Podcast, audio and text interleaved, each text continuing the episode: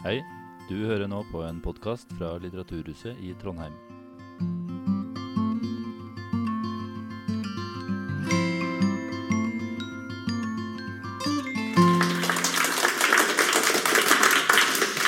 Eh, Jeg skal få ønske dere velkommen til Potetens festkveld. Eh, Det er artig at så mange er interessert i, i poteter. Og jeg tror det at eh, vi skal ha gode muligheter for å lære litt nytt i kveld. Både det som går på eh, rent historisk kunnskap om potet, og, og helt sikkert noen praktiske tips om eh, dyrking og bruk av potet. Eh, poteten har jo vært litt miskjent, for eh, den eh, har vært eh, sagt liksom å være fetende og være altfor karbohydratrik. Og kanskje til og med har den blitt betrakta som litt sånn umoderne og traust. Eh, og Et tysk ordtak vil ha det til at de dummeste bøndene får de største potetene. Så den får vi bare ta til oss. Men, eh, men ellers så sier jo vi at, eh, at poteten kan brukes til alt. Og folk som er kunnskapsrike og allsidige, eh, sier vi jo at de er som en potet i veldig positiv forstand. Eh, navnet mitt er da Elisabeth Farstad. Er medlem av eh, Trondheim Potetdyrkarlag, som eh, har tatt initiativet til det arrangementet her i kveld. Så har vi vært så heldige da å få Marianne Berg hit. eh, Forfatter av denne boka, 'Den fantastiske poteten', en kulturhistorie. Eh, vi, skal, vi skal først høre på eh, Marianne, hun skal ha et foredrag. Og så skal vi ha en pause. Eh, så blir det åpent for å stille spørsmål til hun, og så skal vi ha en panelsamtale oppe her eh, etterpå med Marianne, og så med to stykker som er plukka ut blant mange flere sånne lag og forskjellige som driver med dyrking. Og Det er Britt Eirin Johansen fra Klemetsøvne kolonihage og Eivind Gullvik Freiland fra Voll gård. Skal få hilse litt nærmere på dem etter hvert. Eh, når det gjelder Marianne og boka hennes, så har jeg lyst til å sitere fra forordet. Hun sier her som følger Jeg ønsker å gjenreise potetens gode rykte i Norge. Det er ambisiøst, men knollen fortjener det fordi den har egenskaper utover å mette. Den er kortreist, kaloririk, vitaminrik og gir større avkastning per dekar med mindre vannforbruk enn både korn, mais og ris. Knollen er rett og slett en potent vekst. Vær så god, Marianne. Ta to poteter, ta åtte poteter, ta masse poteter! Hele tiden, alle sammen. Ta en potet. Ta åtte. Ta en potet hvis du er lei deg. Ta deg en potet hvis du er blid. Ta deg en potet hvis du er sulten. Eller bare hvis du vil ha det gøy. Kos deg med potet. I fem år har jeg holdt på med potet. Og det begynte eh, som jeg holdt på intensivt. Og da har hjernen altså vært stappa full med potet. Og det har gitt mye glede, men også noen sorger. Men nå har jeg tenkt at jeg skal ta av meg dette her. Boka er ferdig, dere er her. Så nå tar jeg av meg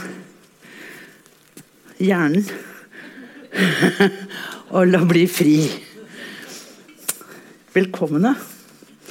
Og tusen takk for at jeg fikk komme hit. For det at poteten er jo helt fantastisk. Og hvorfor er det fint å komme hit? Jo, for det er nettopp her poteten første gang er skriftlig nevnt. I Trondheim. I 1694 skrev Christian Gartner eh, kult, eh, Hortokultura, som er den første norske boken om planter. Og han var helt fantastisk. Han var altså rett og slett fra Han kom fra Tyskland, møtte en norsk rikmannssønn fra Trondheim. Jeg tror han het Lade. Ikke helt sikker. De to ble venner, og han ble lokket hit til Trondheim. Og man antar at han kanskje laget noe tilsvarende denne haven. Altså en, en medisinsk urtehave med prydvekster og en renessanse renessansehavet. Christian Gartner han nevner potet. Og da nevner han det med et veldig vanskelig ord som heter 'papas indorumum'. Og det er jo ikke så rart, for papas det er det poteten blir kalt i Peru.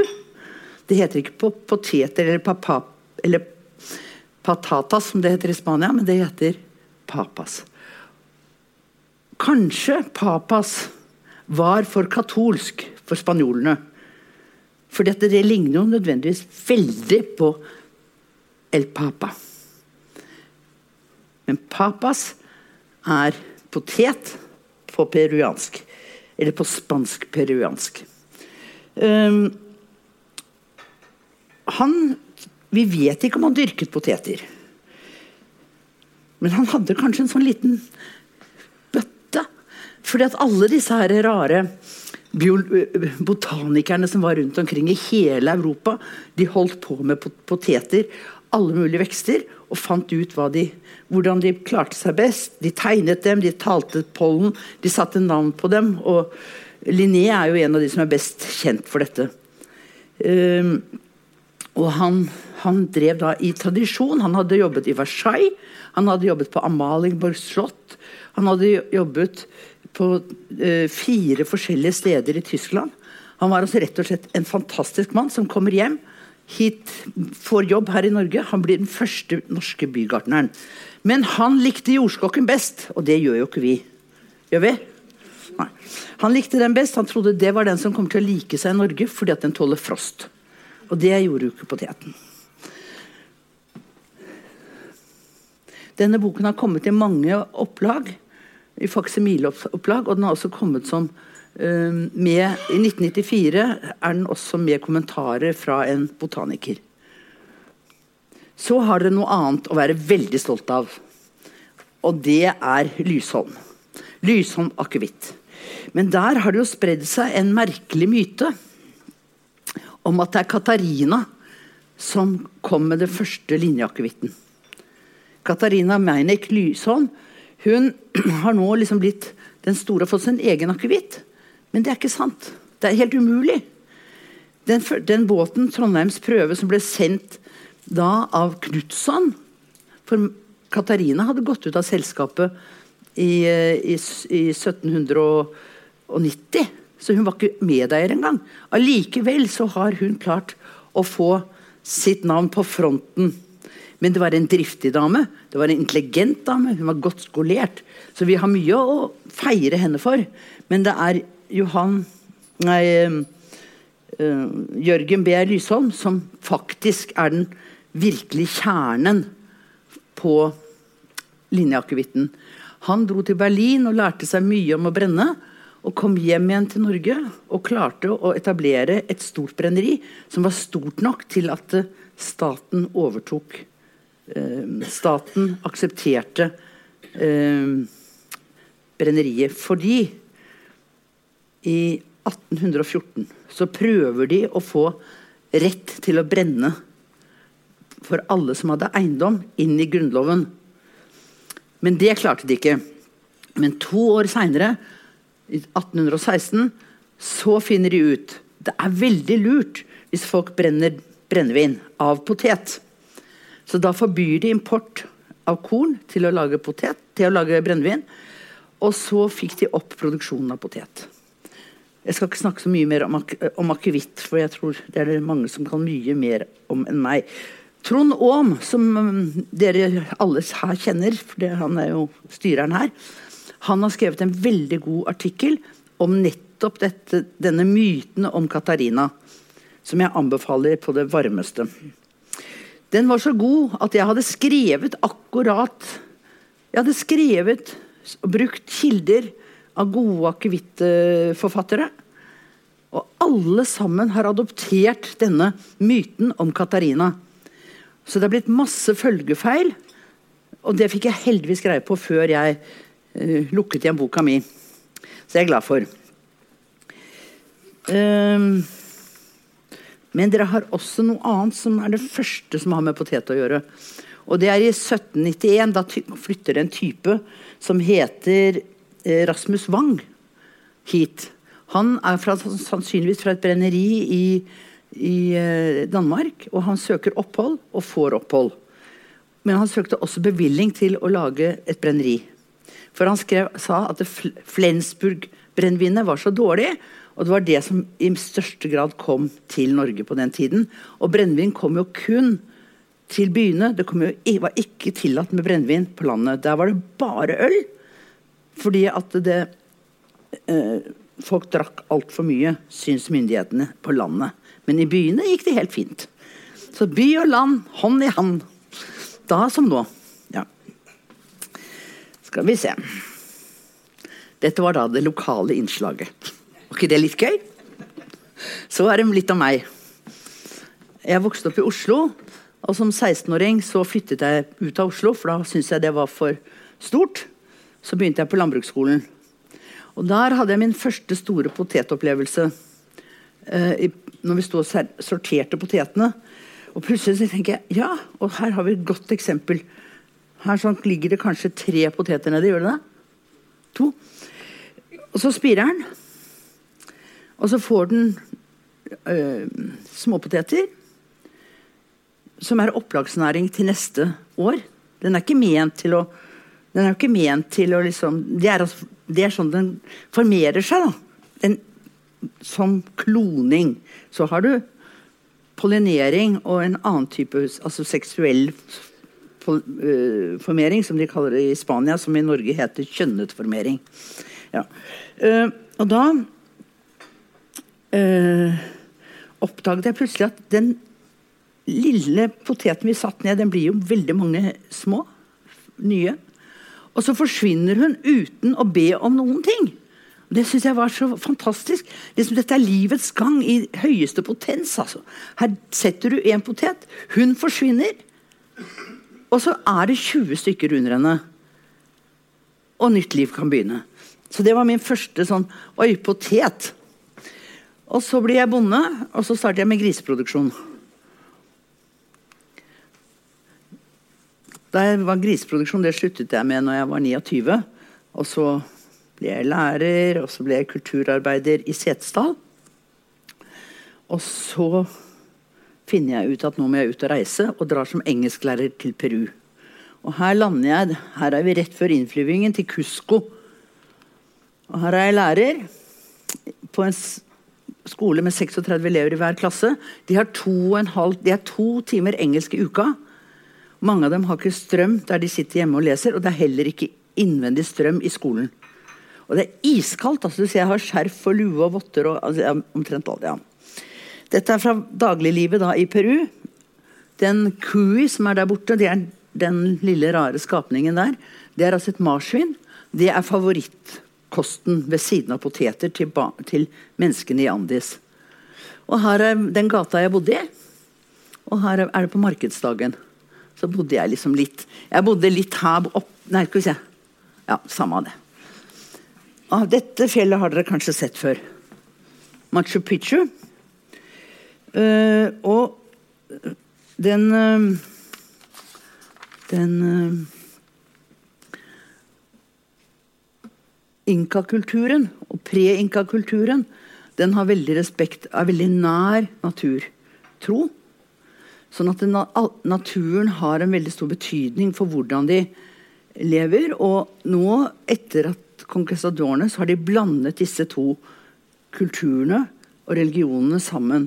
Så fremdeles så snakker de om Apus, og Apus er guden inni fjellene. Og Apus er på en måte den viktigste ånden, da man vil kalle det, i, i Andesfjellene. Og i tillegg så er kondor, puma og slange de hoveddyrene som, som er magiske, da, eller religiøst knyttet i denne kulturen. Og dette var et sted sannsynligvis for eliten. Det bodde ikke veldig mange mennesker der. Og det ble, var jo borte i mange, mange, mange år. Uh, før det var en engelskmann som, som tilfeldigvis kom over det. Har, så veldig mye her er restaurert. Det er veldig lite som er helt originalt igjen.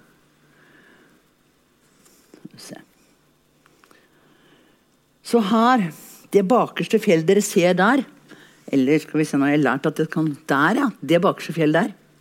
Det er et, et av de virkelig hellige fjellene i dette området jeg bodde. Og En dag så kom det noen utenlandske klatrere. Og de bare gikk forbi, gikk opp etter lia. Og spurte ikke noen om tillatelse til å gå inn i fjellet der. Og noen dager etterpå så kommer det flyvende ned tekstiler. Og da hadde denne lille kommunen store diskusjoner. Må vi inn og lete, eller hva skal vi gjøre? Stor, stor etisk konflikt. Det endte med at de ikke gikk inn, for de, hadde, de fremmede hadde ikke spurt om lov. Og det var ingen i familien som noen gang hadde vært inn til det fjellet. Og da kunne de ikke skjønne at de De kunne jo ikke gå inn nå heller. Så de ble aldri funnet. Her er veldig søte alpakkaer, da. Dette området og den, det vannet her i dette området er et av de områdene hvor det er funnet mest villpoteter i denne delen av Peru, som ligger ca. åtte timer buss fra Titicacasjøen. Og der har det utviklet seg et samfunn som, hvor poteten De har 3000 forskjellige sorter. Hver familie har sine sorter. Uh, nei, nå lyver jeg. De har ikke 3000. De har ca. 2000 forskjellige sorter. Hver familie har uh, sine spesielle sorter som går på de spesielle stedene som det skal dyrkes.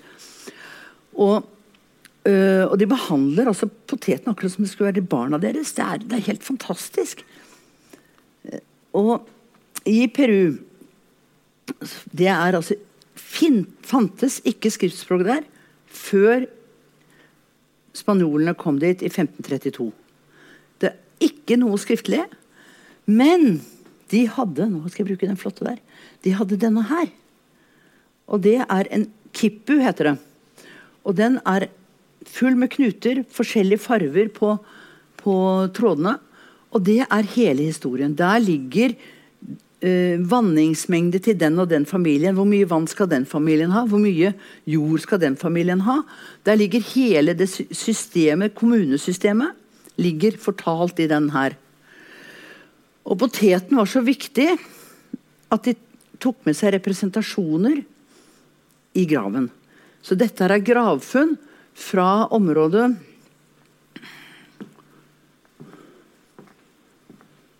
i dette området her. Og så kan man si, Det er ved kysten.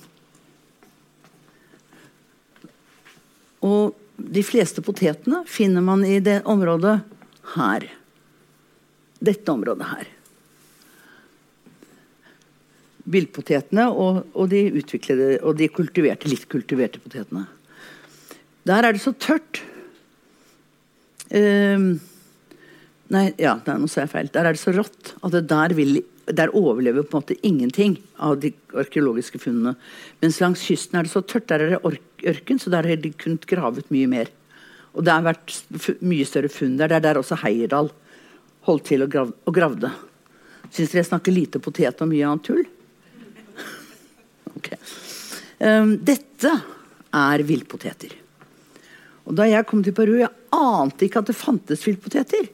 Jeg, altså jeg, jeg, fikk helt sjokk. Jeg tenkte at det var så foredlet at det kunne ikke finnes en sånn vekst igjen. Villtomater, jeg har ikke hørt om det heller. Iallfall ikke jeg. I alle fall, Dette er villtomatpoteter. og De kan bli, være fra noen få gram og opp til en halv kilo. De vokser fra null meter over havet til 4800 meter over havet.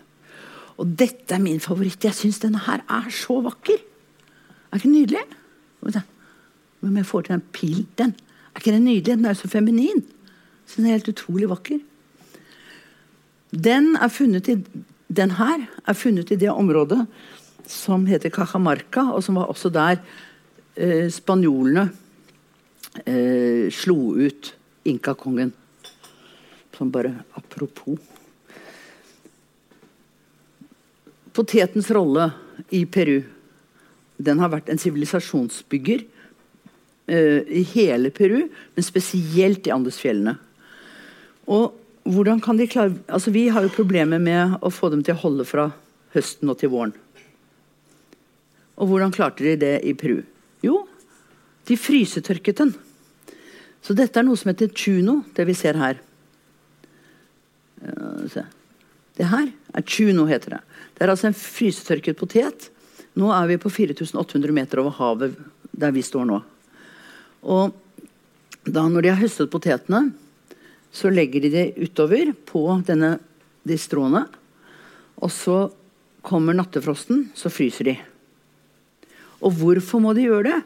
Jo, for det er så mye solanin i dem. De er smekkfulle av solanin, disse potetene som kan vokse så høyt pga. frost. Og da må de få ut solaninen for ikke å bli kvalme og forgifta. Altså Tilsvarende våre grønne poteter, da, som også er stinne med eh, solanin. blir. Så de legger de utover, fryser dem om natten, og så er det så stor forskjell mellom dag og natt. Det er jo ca. 20, 20 grader kan være mellom dag og natt der. Uh, og når da sola kommer på, så går de ut og så tråkker de dem. da. Så Akkurat som druetråkking. Liksom. Så tråkker de dem sånn. Og etter hvert så tørker de mer og mer, og så kan de da oppbevares i 10-15 år like gode. Fulle av næring. Dette ble brukt også som betalingsmiddel. Og de hadde i Peru da en tradisjon. De hadde ikke penger. De hadde ikke skriftspråk, og de hadde ikke penger, da, men de drev med noe som het en byttehandel. Staten hadde også et system at hvert syvende år så skulle menn ut og jobbe og lage veier, eh, grave og forskjellig slik. Eh, sånn at de hadde en tradisjon for det som kalles eh, ja, tråkke, heter det i, i, der nede, men det, her heter det byttehandel. Og da fikk familiene poteter som de kunne fø, som de fødde seg på. Og dette var da en tradisjon som de spanjolene, når de hadde tatt eh, Peru og Bolivia, fortsatte med. Folk var vant til at de skulle jobbe for staten, men de var da vant til å bli ivaretatt. Så kommer spanjolene, som syns det er veldig laglig at de skal jobbe for noen tør tørka poteter. Og beordrer da folka ikke til et annet jorde, men til Potosi-gruvene. Og på den måten så kommer det enorme mengder med gull og sølv fra Peru og Bolivia, nå, nå i Bolivia, tidligere så var det sammen, og til uh, Spania.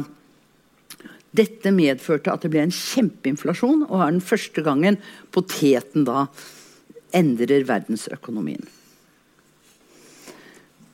Dette er den enkleste form for fermentering. Så er vi på Titicacasjøen, og der ser dere omtrent da Ra. Ser du det?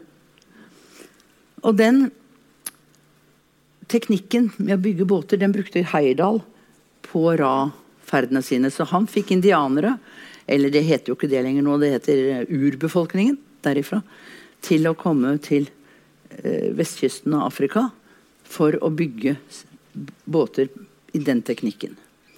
Dette her er sletta som uh, Altoplano heter det, og er, ligger da inntil Titicacasjøen. Dette er det området i verden hvor det er funnet flest sorter poteter. Og Derfor argumenterer forskerne med at det er også her poteten stammer fra, og, og den har spredd seg ut ifra. Cirka for mellom 7000 og 10 000 år siden.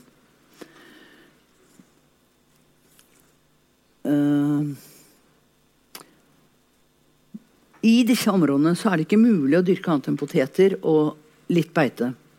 Og det vil si at vekstskiftet der, det er De bruker ti år før de rullerer Helst ti år. Nå har de ikke råd til det lenger, så nå er det seks. Rullerer poteter, men de dyrker ikke noe annet i den jorda som poteten har vært. Der går alpakkaen og sauene og ja, lamaene og driter og tråkker og hjelper til jorda. Og sånn at den blir Det er som man kaller regenerering av jorda. da. Og så, kommer, så setter de poteter igjen. Dette er fra helt på grensa til Bolivia. En liten by som heter Iliave. Og her driver de da den mest avanserte formen for, uh, for fermentering. Her tar de først avlinga uh, ned og frysetørker den. Så den er steinhard. De er steinharde. De er sånn klikk, klikk, klikk. Sånn sier det når du putter dem i vannet. Putter de i rennende vann. Der ligger de 21 dager. Tar de opp igjen, og da Sånn. Tar de opp igjen, ja. Og da ser du at skallet har begynt å sprekke. Og så tråkker de det. Nå bruker de maskiner, men før så tråkket de det. Og her ligger det hauger som har kommet litt lenger i tørkeprosessen. Også, også her trykkes da, ved tråkking trykkes safta ut av dem. Og på den måten så blir de kvitt solaninen. De mister litt C-vitaminer, men de beholder masse kalsium. Kalsiumet legger seg sånn at de blir kriddhvite. Og her Dette er en stor eksportartikkel. Her sorterer de de største og fineste. De går til um, Bolivia og ned til byene, i Lima f.eks. Og tilsvarende restaurant som dere har, Credo. Så har de en restaurant i Lima som heter Sentral bygger på samme, mye av samme konsept å bruke, bruke nasjonalt eller egen kortreiste matvarer. De bruker masse av dette her. Både som stivelse i maten, men også som, som pynt og i supper og sånt noe. Eh, jeg har smakt det med kokt. Du legger det i vann da en to-tre timer, så hun fyller seg med vann igjen. Og så koker du som en vanlig potet og skjærer den i to og legger litt ost og en liten rød chilisaus på, så er det ganske godt. Men det er ikke det beste jeg har smakt. Altså. Jeg må bare innrømme det. det må...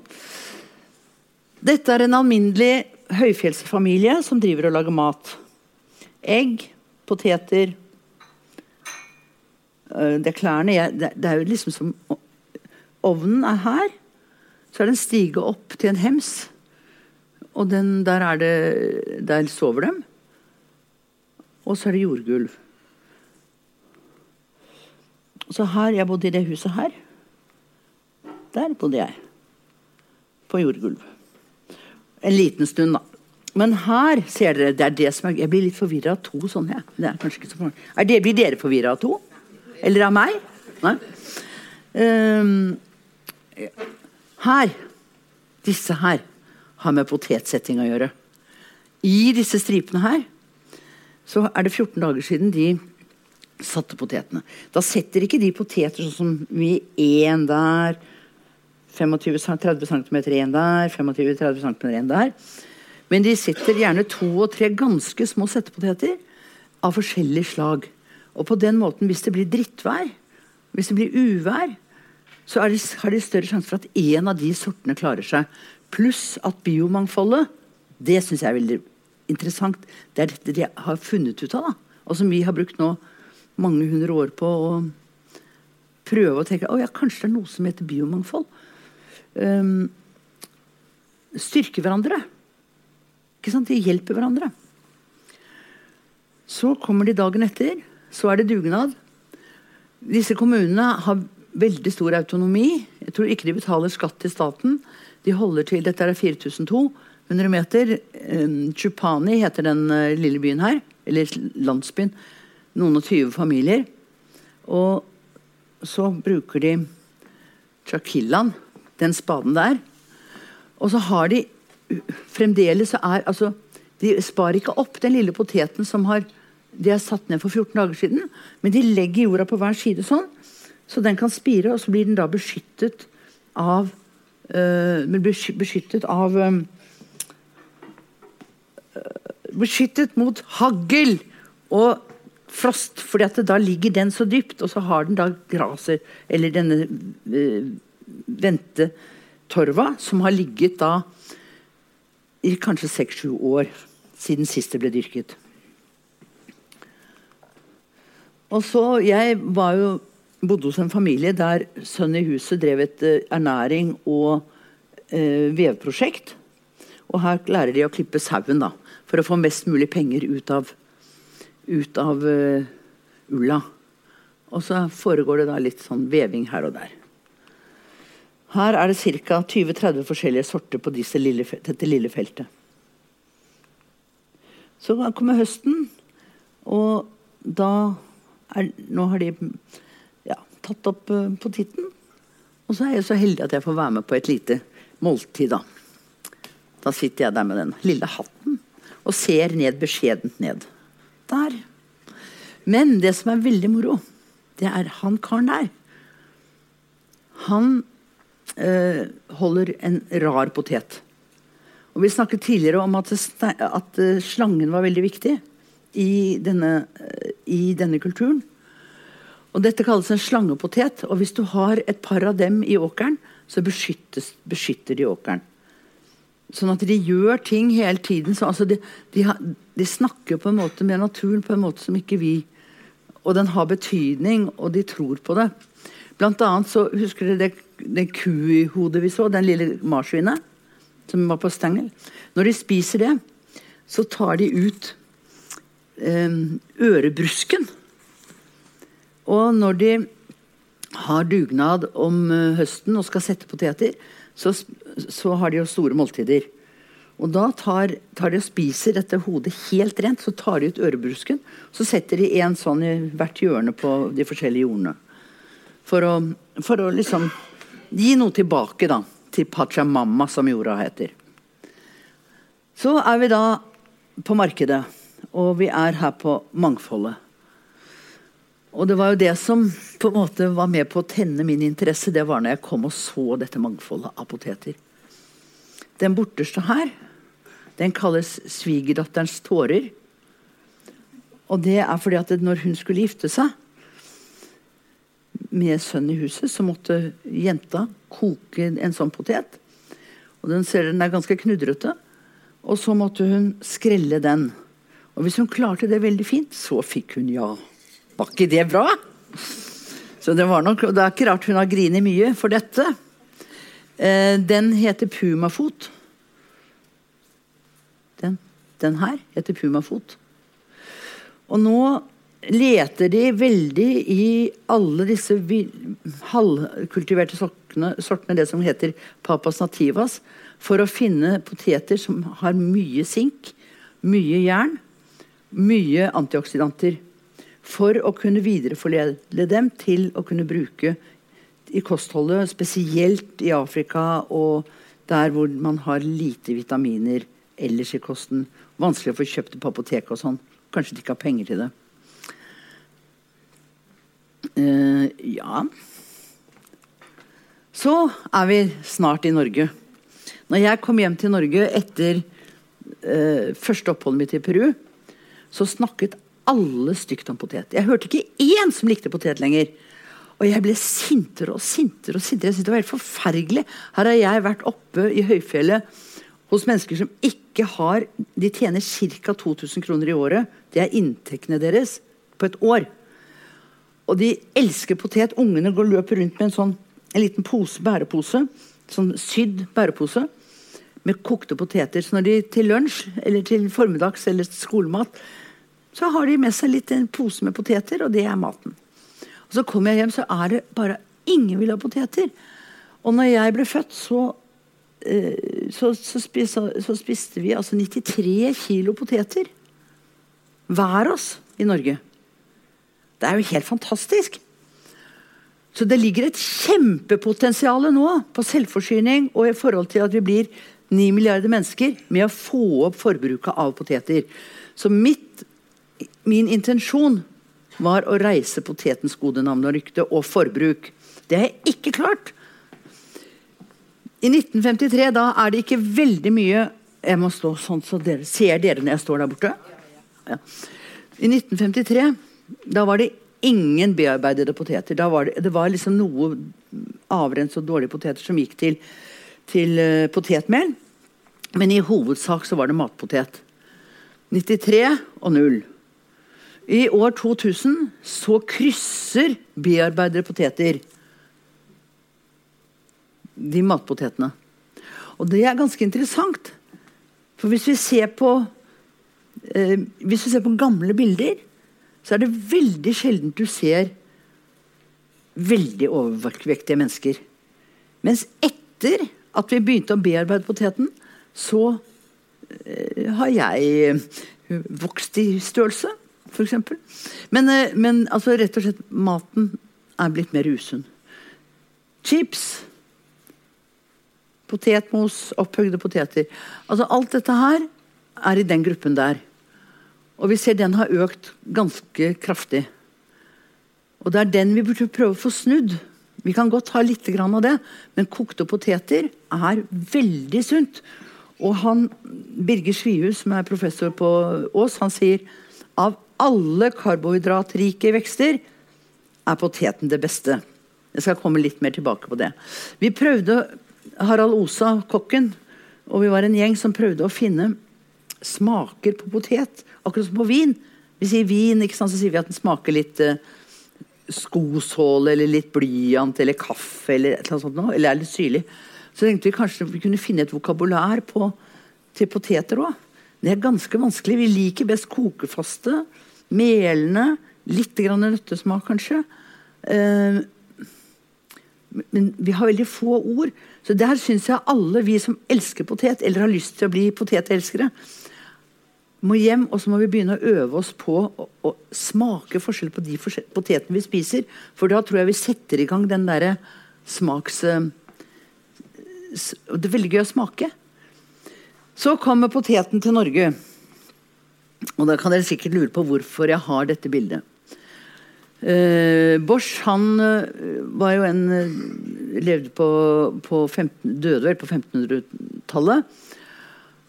På den tiden så var kostholdet mel, korn, mel, korn, mel, korn, korn, korn, korn. Litt kjøtt Og litt melk. Men det var korn, korn, korn hele tiden. Og rugen var ikke alltid så bra. Spesielt den rugen som vi fikk fra, eh, fra ja, nå blir jo det Hviterussland og det området som ble skipet opp rundt Arkangels og, og, og opp der. For det, jo, det, var dårlige båter. Og, og, kornet ble infisert av sopp. Og den verste soppen, den heter meldrøye. Meldrøye er en bitte liten uh, sopp som lager et sort likte korn på ruget. Og når du spiser det, så blir du forgifta. Det, det virker både abortfremmende og du kan bli hallusiniserende. Og, og dette er det han illustrerer her, da. Her sånn, Han kaller det helvetesild. Uh, og, og, hele landsbyer kunne bli veldig syke. Uh, ergotisme er det noen som kaller det også. Og, og dette blir vi kvitt når poteten kommer. Det er jo det som er så fantastisk, for da tar poteten over mye av rug- og hveteforbruket av dårlig kvalitet. De fattige får etter hvert, etter hvert ser jeg, det er en mulighet. For poteten hadde ikke, hadde ikke gode dager med en gang den kommer til Norge. Ei heller til Europa. Vi vet at den kommer fra, til Kanariøyene i 1563. Nei, 67. Da blir den eksportert til Eh, til Oi, oi, oi, nå sto det stilt her. Eh, eksportert til um, Ikke Holland, Belgia. Belgia. Og hva som skjer med den der, det vet vi ikke. Om de skulle spise den eller om de skulle bruke den som settepoteter, vet vi ikke. Men i, på kontinentet så vil ikke folk ha det. De vil ikke ha potet i begynnelsen fordi at den var jo ikke sånn rund og fin sånn som den vi spiser i dag, men den så ut som en sånn Egentlig litt mer som en sånn uh, finger som har um, Finger som har um, Skal vi se Den har um, Hva heter den sykdommen som man blir sånn uh, Lepra. Lepra. Lepra. Leprasyk finger. Så kunne disse se potetene ut. De var svarte og de kunne være lyse, men de var knotrete og knudrete. Og folk ville ikke ha dem. Den var heller ikke nevnt i Bibelen. Sånn at f.eks. Eh, de ortodokse prestene i Russland de ville ikke anbefale poteter. Det ville heller ikke prestene i England, ei heller i Frankrike. Sånn at det var vanskelig å få poteten ut til folket. Men for hver krig som kom, jo mer poteter ble det dyrket. Og under syvårskrisen så er det en kar som heter Permetier. Han blir satt i fengsel av, uh, av prøyserkongen. Sitter i fengsel i fem år, og han kommer seg ut av fengselet og er like god. Han er tynn, men han er like god. Han er frisk, han har ikke mistet tennene, han har ikke vondt i magen. Han er liksom bra. Og han var øh, farmasøyt, så han reiser hjem til Paris når han blir satt fri. Og begynner å analysere hva er det med denne, denne veksten. Han hadde kun fått potetsuppe under hele fengselsoppholdet. Hva er det med denne veksten som gjør at man kan overleve? Så finner han da ut at den er svært næringsrik. Og når det da i 1770 blir utlyst en konkurranse i Paris, hvor de skulle forberede seg på at det skulle komme, kunne komme uår, så sender han sin rapport og et forslag til dyrking. Da vinner han den konkurransen, og han blir invitert da til eh, Ludvig den 16. Og her er han da hos Ludvig den 16. med potetblomst og hvor uh, Marie Antoinette er, det vet vi ikke, men hun er vel hjemme og koker, da. Kanskje. Og, og da får Permetier får et ganske stort område å dyrke på, og så skulle de prøve å få folk til å bli interessert i denne, i denne veksten. Og det gjorde de på den måten, og den samme metoden brukte Prøysen-kongen. Det var at de dyrket et felt, og så satte de ut militære vakter.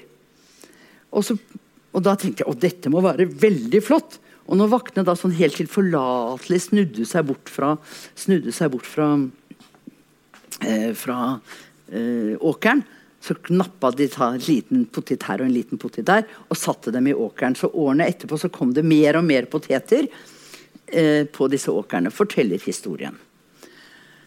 Prøysenkongen han gjorde i tillegg Han mislykkes aldeles med å få folk i Nord-Tyskland til å dyrke. Så han sa til dem at hvis dere ikke dyrker, så kapper jeg øret og nesa av dere. Og Året etter så ble de sendt med soldater og oppskrifter, og de kom opp der. Og, og sånn kom poteten til Nord-Tyskland. Og så gikk den videre til Danmark. Der sier en dansk prest jeg er så glad at min befolkning ikke er så fattig at de må spise poteter. sier han. Så de hadde det ikke så godt um, i begynnelsen. Og den, den slet med å komme seg oppover. Men så oppdager de da at de kan dyrke poteter på brakkland.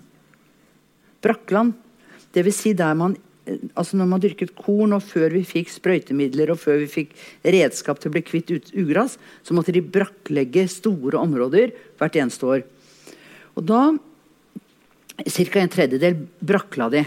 Og da kunne de istedenfor å la det ligge brakk, sette poteter. Og dette gjorde jo at man fikk et mye større energitilfang eh, for vanlig befolkningen. Og som da en professor fra USA sier, det var det som gjorde at vi fikk den industrielle revolusjon, for det ble nok mat til alle. Og, kunne, og befolkningen økte enormt. Folk ble sunnere, friskere. Eh, ikke bare pga. poteten, men også av poteten. Så har vi Norge. Og her til Vinger 1730 ca. kommer det en svensk land, landhandler som kommer over grensa og har med seg potet. Det var på den tiden det var lov å Det var ikke noen regler mot å ta med seg poteter over grensa, verken ene eller andre veien. Og de hadde allerede De likte godt å røyke, da. Tobakken hadde, den slo til med én gang, den. Tobakken. Den kom omtrent samtidig. Det samme. Jordskokken kom også omtrent samtidig. Men den slo aldri ordentlig an. Den ble liksom, kom aldri ut av hagen. Selv om uh, Gartner mente at den var ideell. Det er det første stedet. Men det første skriftlige dokumentasjonen vi har på dyrking av poteter i litt større omfang, det er fra Tromøya. Og det er jo kjempegøy, for den poteten der, den kan dere få tak i fremdeles. Altså Den samme poteten er på eh, genressurssenteret, det norske genressurssenteret.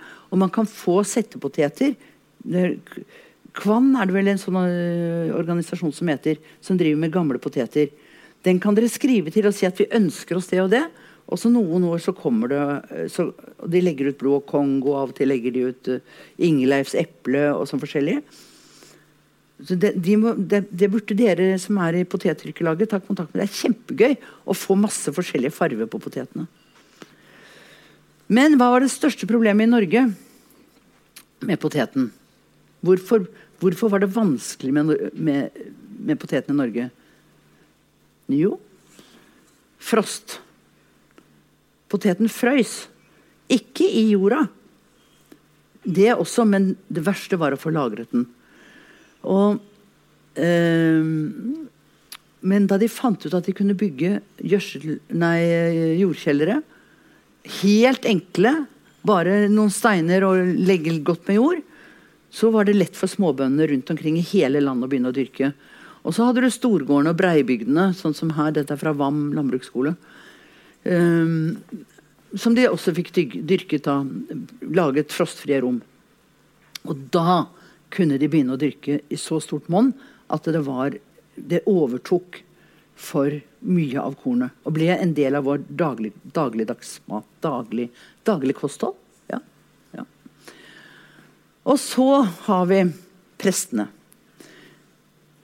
Han karen der han satt, ble satt i fengsel her i Trondheim 1799 fordi at han drev med oppvigleri og han skrev pamfletter og bøker om Jesus og Gud.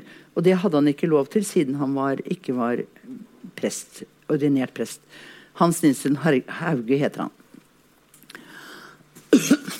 Han var kjempeviktig i opplysningens tjeneste. Og, men han var ikke alene.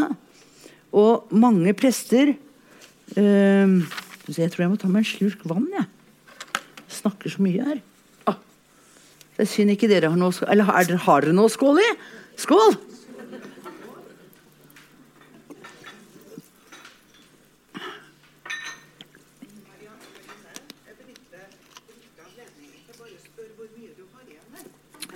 Kan jeg hoppe fort.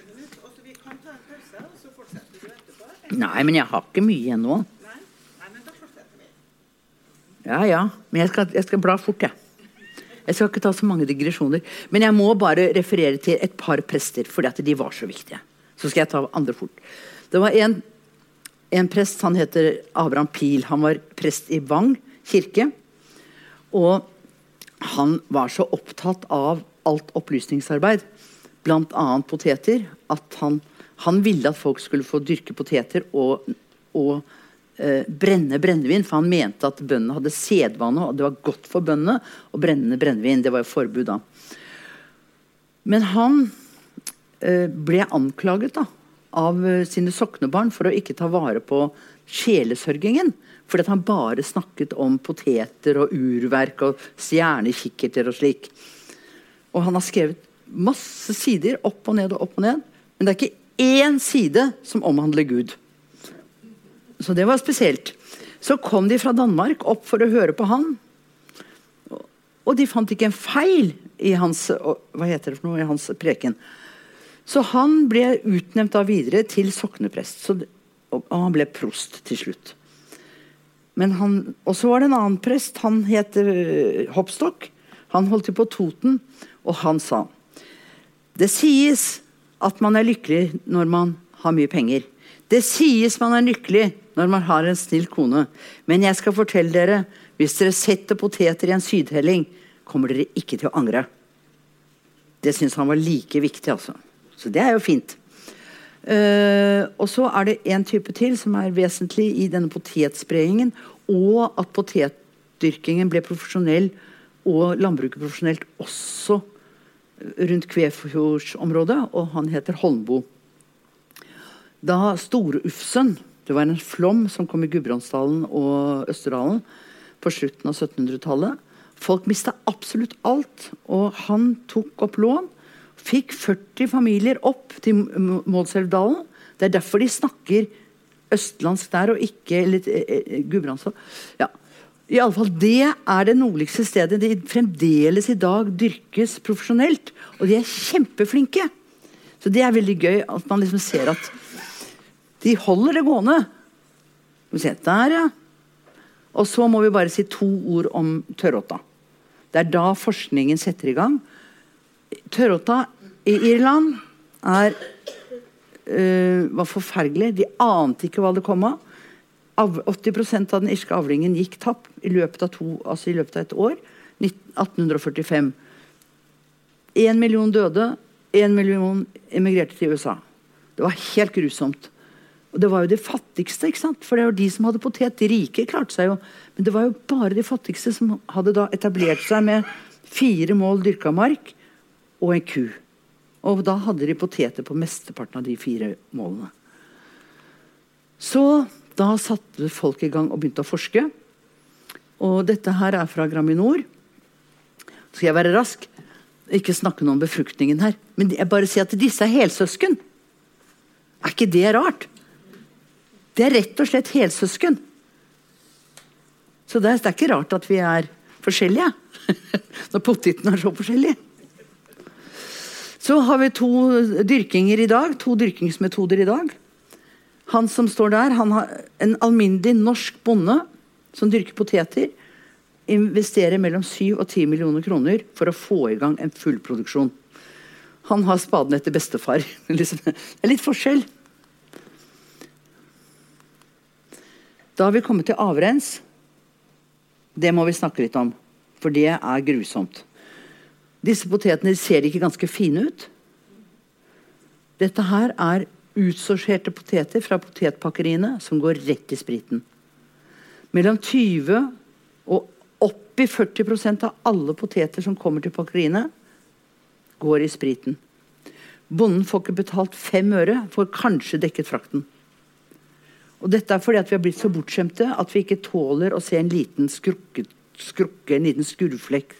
Eller vi skal bare ha disse franske amadinepotetene.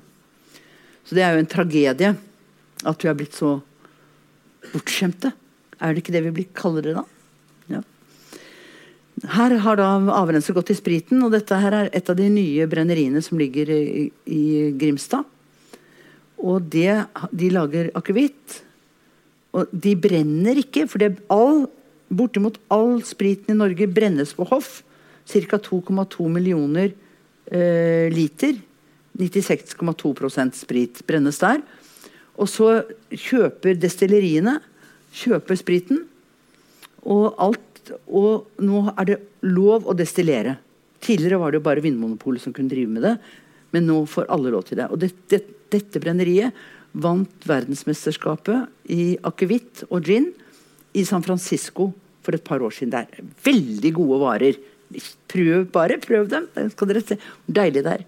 Så har vi da litt om hvorfor er potet sunt. Eller hva er det som gjør at poteten er sunnere enn veldig mange andre karbohydratrike vekster. Altså, du, når du har spist tre kokte poteter, da er du ganske mett. Så de, denne tabellen viser eh, tre kokte poteter, to desiliter eh, ris og 1,75 dl. eh, Og dette er ferdig kokte. Og da kan dere se på eh, lista her. Proteiner. Der er potet, den blå er på potet.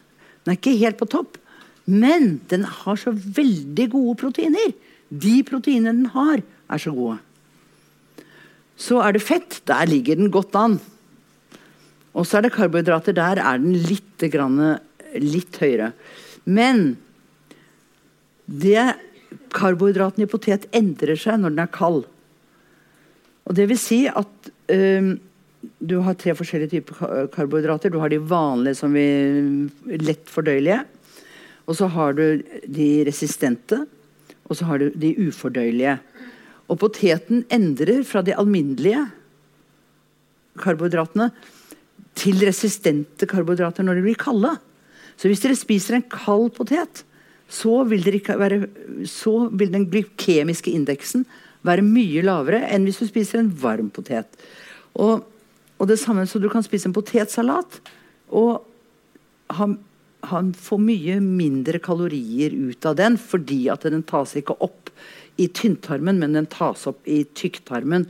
Og der bruker bakteriene litt mer sånn krefter på, på å fordøye det. De bruker, ja. Så er det fiber. Masse fiber.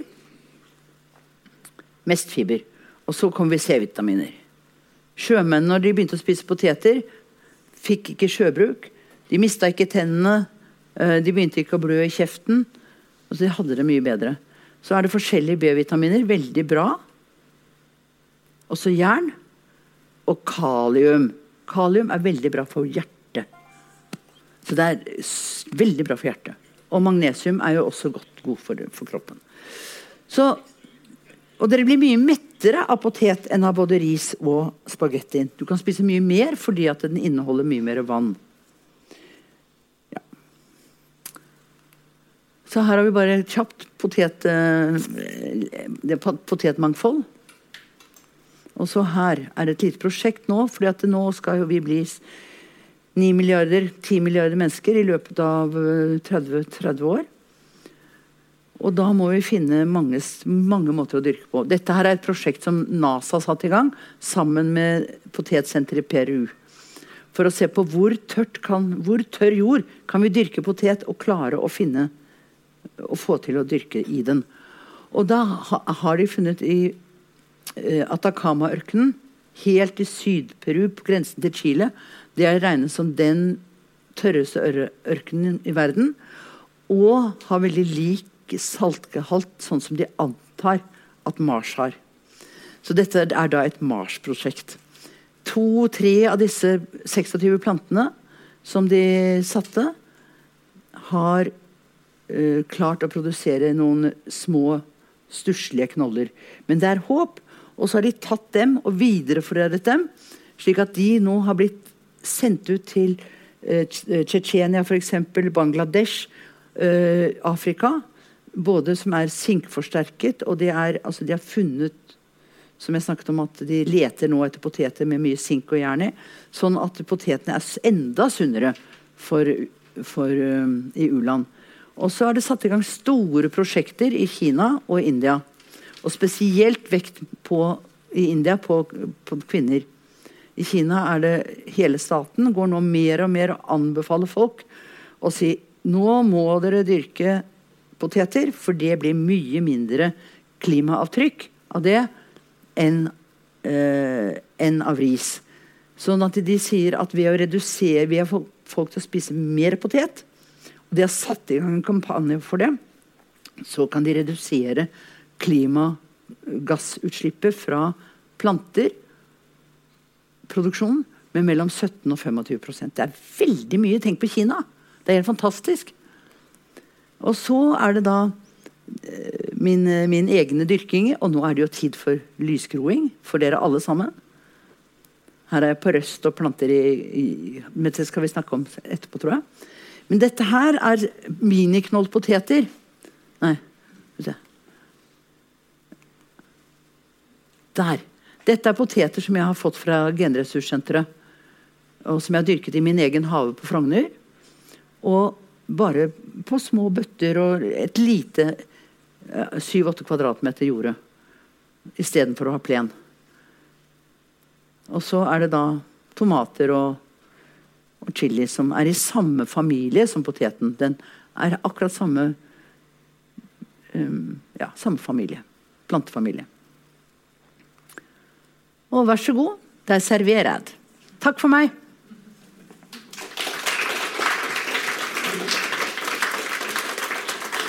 Sånn. Tusen takk, Marianne. Du eh, er fullspekka med kunnskap om det her. Du har snakka på ut- og innpust en time. Du kunne ha snakka om eh, det her hele kvelden, det er jeg sikker på. Ja. Eh, vi skal gi oss med akkurat det eh, her og nå. Eh, vi skal åpne for spørsmål, men først skal vi ha en liten pause. Ja. Eh, så da får dere eh, tenke litt over den eh, delen der. I pausen så går det an å, å kjøpe seg forfriskninger inn på Sellandrå. Så har Trondheim Potetdyrkarlag en stand bortpå her. Der er det litt forskjellig, da. Det er jo potet, selvfølgelig, da. Og, og, ja, og så har vi altså da vært så heldige at selveste Heidi Bjerkan har sendt oss en egen potetoppskrift fra Credo potato lompe fra Credo. Så den ligger der, og på baksida så er det eh, en oppskrift fra Geitmyra Credo eh, matsenter for eh, Nei, matkultursenter for barn. For øvrig så er det han som heter Trond Aam, som ikke er sjef her, men sjef der. Det er da en navnebror som har bidratt med det. Så det syns vi var artig at de gjorde i kveld. Ja, er det mer å si om pausen? Nei, ikke mer enn at vi starter opp igjen. Hvor mye klokka? Det vet jeg ikke. Starte opp eh, Ja, starte opp ti over åtte. Ja. Der fikk jeg lyd. Da har eh, hovedpersonen eh, og de andre hovedpersonene er dukka opp. Så da skal vi gå løs på en eh, prat her. Da jeg snakka med Marianne, så var vi enige om at det kunne være, det kunne være ganske altså Hun påstår at hun ikke har greie på dyrking. Så da fant vi ut at eh, det kunne være artig kanskje å ha med noen fra liksom, lokale dyrkemiljøer. Og det viser seg jo at, eh, at dem er det jo utrolig mange av. Veldig mange i byen og rundt byen. Og det er ja, alt fra pallekarma, som folk kan holde på med, det er parselldyrking. Og det er sånne lag da, som Trondheim potetdyrkarlag. Vi dyrker ikke sammen, for så vidt, da. men vi møtes nå da og diskuterer tørråt og skurv og sånt. da. Kose oss. og dele litt erfaringer, da. Noe går bra, og noe går jo ikke fullt så bra, da.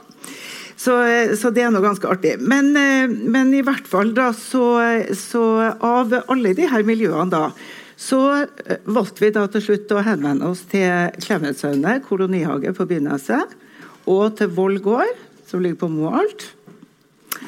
Eh, Marianne nei, nei, ikke du, Marianne. Nei. nei, dere, jeg lovte jo at dere skulle få lov å stille spørsmål før vi går løs på det her. Jeg tror vi gjør det først, og så tar vi det her etterpå. Er det noen som har noen noe spørsmål til Marianne og foredraget hennes?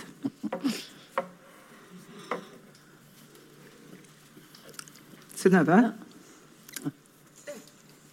her tusen takk for et uh, Hører du meg? Ja. Tusen takk for et kjempeartig foredrag. Takk. Em, mitt spørsmål er Du snakker om fermentering av poteter i Peru. Um, og det er vel noe som har skjedd her i, i Norge òg, at en har eh, tatt vare på potetene på det viset. Vet du noe om det? Jeg har aldri hørt om det har tatt vare på, på det viset i Norge. Ei heller i Europa.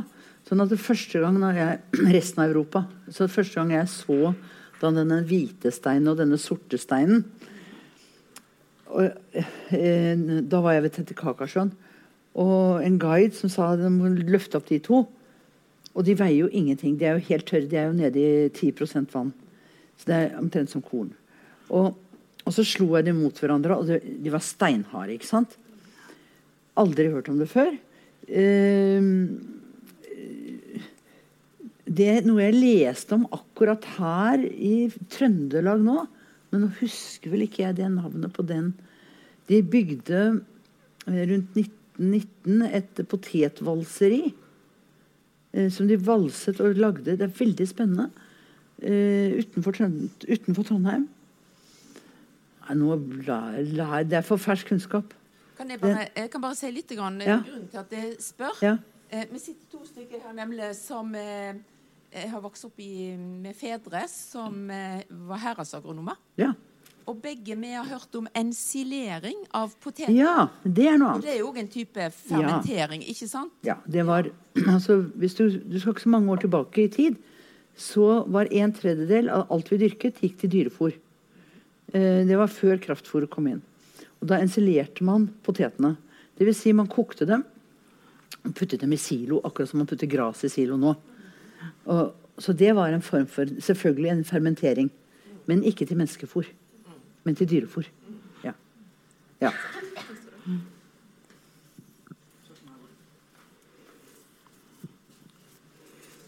Jeg heter Knut. Jeg nevnte for deg at det var store planer om å ta halvparten av plenen i syrhagen min. Og så eh, sette poteter på den metoden som du beskriver i slutten av boka di. Eh, Jeg vet ikke om han virker i det hele tatt. Jo, da, han virker. Ja vel. Jeg, jeg eh, syns i, i slutten av boka di så har du skrevet om dyrking. Og Derfor var det litt rart å høre at du ikke hadde greie på dyrking. Da. Men eh, For eh, det var en artig metode som jeg var tenkt å prøve. For i Sydhagen min så har jeg ei plen som stort sett er mose nå, da. I hvert fall eh, en stor del. Der var jeg tenkt å bruke Dagbladet og Klassekampen. Og så eh, sette poteter direkte på plena. For det anbefaler, eh, anbefaler du. Men eh, jeg lurer på, har du erfaring med det? Hvor, hvor, mye har du fått? Og skal jeg virkelig ikke bruke gjødsel, sånn som det sto i boka di? Nei, altså min erfaring Det er bare to år jeg har prøvd. Ja. Så jeg har jo ikke mange års erfaring. Det er derfor jeg liksom kan kalle meg en stor, veldig etablert potetyrker. Men jeg har gjort det to år. Og, og, det er fantastisk gøy. Du legger altså en potet altså Du har ikke nødvendigvis nyslått plen, men du legger den på plenen. Så legger du avisen oppå, og så lar du spirene, eller groene, ligge i, Du legger én Klassekamp der og en Dagblad der. Og så lar du groen stå fri, så han slipper å bore seg gjennom. Og min siste års erfaring var at det er bedre med fuktig avis enn tørr avis. Så det er lurt å dynke, dynke den litt først, for da ligger den også bedre inntil. Og så får poteten litt eh, fukt hvis det blir tørke. Og så 10 cm jord oppå, som du enten må kjøpe deg, eller du må stjele hos en bonde, eller et eller annet, er veldig fint. Jeg vet noen, noen bruker tang. Og, og gjerne, altså gjerne, tang som har ligget Som er blitt kompostert litt. Har veldig god effekt av det. Um, det brukte Hva? Ja, det er det noen som gjør. Halm er det noen som gjør. Jeg eh, som bare legger halm, det syns jeg ser litt stusslig ut. Og så blåser det av, og så er det ikke noe jeg, jeg, For meg så har det vært veldig fint med, med rett og slett bare jord, altså. Og så for, Den jorda forsvinner jo ikke, den ligger jo der, og den gjør seg jo veldig godt da til når du skal plante. Jeg plantet jordbær året etter eh, på det felt, ene feltet. Kjempegøy. Og jeg fikk vel jeg fikk ikke sånn superstor avling, men vi trenger jo ikke å være så kravstore hele tiden. Vi kan jo si at det er nok å få ti knoller under en potet. Ikke så verst, det. Det høres veldig bra ut. Det blir spennende å prøve. Ja. Altså, har... Og så gjør du da, Siden det er en sørhelling, så gjør du akkurat som presten Hoppstokk. Og snill kone har du òg. altså, jeg har, en, jeg har, en, liten mistanke om at det kan være flere i salen her som har uh, noe å bidra med til akkurat det der med å grave opp plenen. Fordi at noen uh, graver jo opp grastorva og snur den, f.eks. Og uh, legger kanskje potet oppå bunnen på den torva. da. Akkurat det med vanninga pleier å ordne seg automatisk i Trøndelag. Vi behøver ikke som regel å tenke Nei, vi er ikke mye plaga med tørke.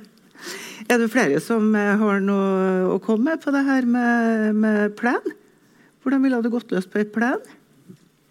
Ser du på meg? Ja, jeg ser på dere to. Ja, nei, altså Jeg har prøvd, eh, og da har jeg mislyktes. Eh, og det er fordi at jeg ikke har vanna godt nok. Jeg har ikke dekket det godt nok, men i år har jeg store planer om å lykkes.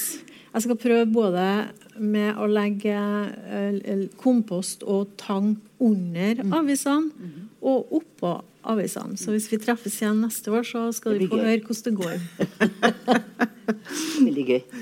Det er jo fantastisk når det spirer. Hæ? Kan dere tenke dere noe vakrere den, enn denne tiden her? Og så få poteter. Ja jeg syns det var fascinerende at jeg slipper å grave. Ja. ja. Mm. ja. Jeg skjønner hva du snakker om. Torstein? Jeg eh, skal sette i gang med dere der. Eh, hvorfor må man på død og liv bruke aviser, da? Du kan jo like godt bruke eh, tang og annet materiale uten gamle Klassekampen og Dagbladet. Ja, det... Skal jeg svare på det? Du? du? Eh, jeg har gjort det rett og slett fordi det var den første oppskriften på det som jeg fant. Eh, nå har jeg forhørt meg mer rundt, og, jeg har venner som har bare brukt halm. Og jeg har, venner, har venner som har bare brukt uh, tang. Ved å, ved å legge, men fordelen med å legge avis er at du får avissverte. Nei da.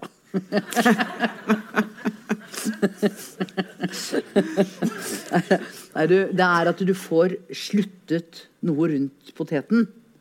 Som, som holder bedre på råmen som er der. Hvis du har, altså Som er, også er i jorda. Og du får også svartlagt eh, graset enda bedre enn du gjør Det er ikke så lett det, altså, Sånn at du, du stopper fotosyntesen veldig fort da, på graset med avis i forhold til f.eks. For tang, som, som er transparent, og, og, blir det litt tørt, så blir det knusktørt. Så, så, så, derfor tror jeg at det blir bedre med potet rundt. Men det er ikke vitenskapelig. Dette er ren magekjensle. Ja. Vi tar et spørsmål til Øystein. Det er en ting som skjer da, det at du hindrer ugraset i å komme opp. Ja. Poteten kommer opp, men ugraset kommer ikke gjennom avisa. Så åkeren blir bedre av den grunn. Ja, Det tror jeg er helt riktig. Jeg har en kommentar til det òg. Eh, når det gjelder aviser og, og trykksverte, så er det sånn at det er ikke lov til å bruke bly lenger. Så den trykksverta som brukes på aviser, de er garantert eh, giftfri, sies det. Eh, eh, I hvert fall har jeg lest det en sted. Og det andre er det at du trenger ikke å bruke avis. Du kan bruke kartong, Ja. eh, og du kan bruke papp. Eh, poenget er at du må bruke et materiale som blir jord etter hvert, gjerne i løpet av et år. Så du trenger ikke å bruke Klassekampen. Nei, ukeblad kan du ikke bruke. For at det glansa papiret kan du ikke bruke, for der er det noen stoffer eh, som ikke er noe bra å ha i jorda. Men altså papp, eh, gjerne den gråen eh, som er best, eh, så- og så må du rive av eh, teipen. Eh, det går fint. Og det kan være Det er jo ofte tjukkere òg, så det er stødigere. Stikkordet er vel jorddekke. Ja. Ja, men ok, Vi skal, vi skal uh, få høre litt mer fra det her eh, panelet her nå, da. Med, med Britt eh, Eirin Johansen fra Klemetsøyne og eh, Eivind eh, Guvik Frøyland fra Vold.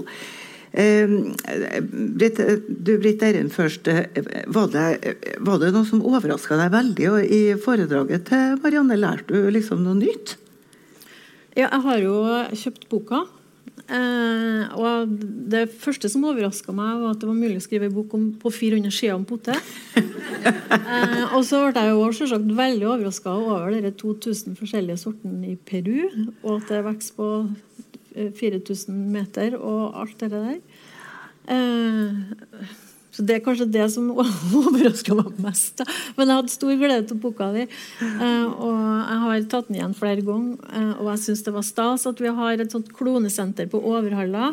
Eh, sånn at det, det er jo rett oppi hugget her, og at det er liksom så mye, ja, så mye som som, som du òg var inne på, som knytter poteten til, til Trøndelag. Det er jo kjempestas med Christian Gartner og hele, selv om han likte jordskokken best. Så nei, det, det veldig, var en veldig artig bok som det går an å ta fram og bla litt i og kose med. Apropos Overhalla. Alle vi som dyrker nå og blir urbane gartnere, som det heter så fint, er så viktig at vi kjøper sertifiserte settepoteter. Og det som er morsomt for dere trøndere, det er at det fins ikke en sertifisert settepotet som ikke kommer fra Overhalla. Tenk dere det. Absolutt alle har, sitt start på Overhalla. ikke det litt gøy, eller? Det syns jeg. Du vil fortsette litt med, med Klemetsøyne. Det er jo ikke sikkert at alle vet eh, hva Klemetsøyne er. Det kalles jo kolonihage. Det er jo det er jo Det var vel mange flere kolonihager før i tida enn det er nå. Det fins et kolonihageforbund fra 1927. Uh, oppdager jeg. Så det er jo et gammelt fenomen i Norge. Men eh, bare to ord om, eh, om Klemetsøyne. Det blir mer enn to. det blir mer enn to? Ja, greit. greit. Eh, altså Klemetsøyne kolonihage det er 44 parseller som ligger veldig pent plassert rundt eh, Bymarkas eldste gård, Klemetsøyne gård. Eh, som ligger mellom troller Trolla og Flakk. Eh, det er eh, det nordligste og yngste eh, medlemmet av Norsk kolonihageforbund, som da er et forbund som starta opp på 20-tallet.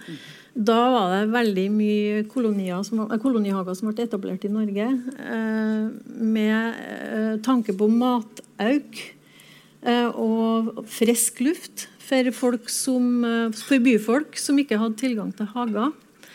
Eh, forbundet da, eh, sine regler og retningslinjer det er noe som vi som er med i de medlemshagene, som vi er nødt til å forholde oss til dem. Det betyr at vi ikke kan gjøre hva vi vil.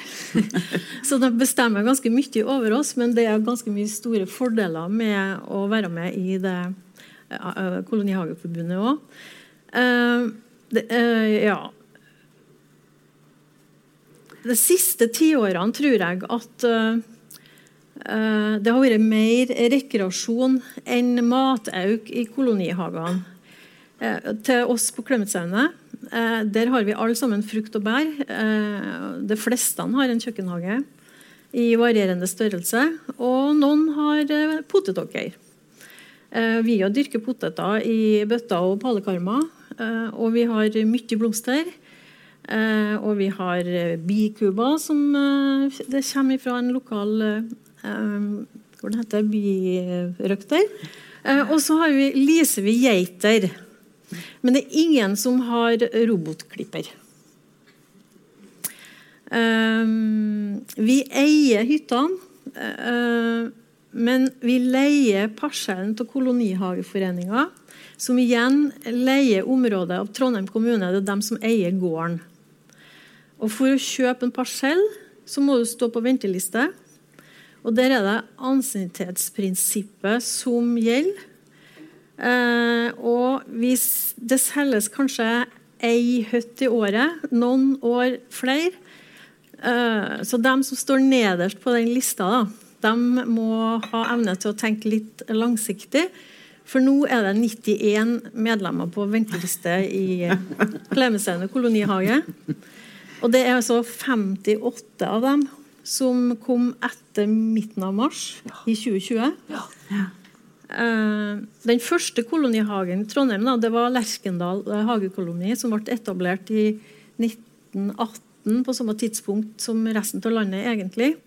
Men den ble ekspropriert og overtatt av NTH i 1959.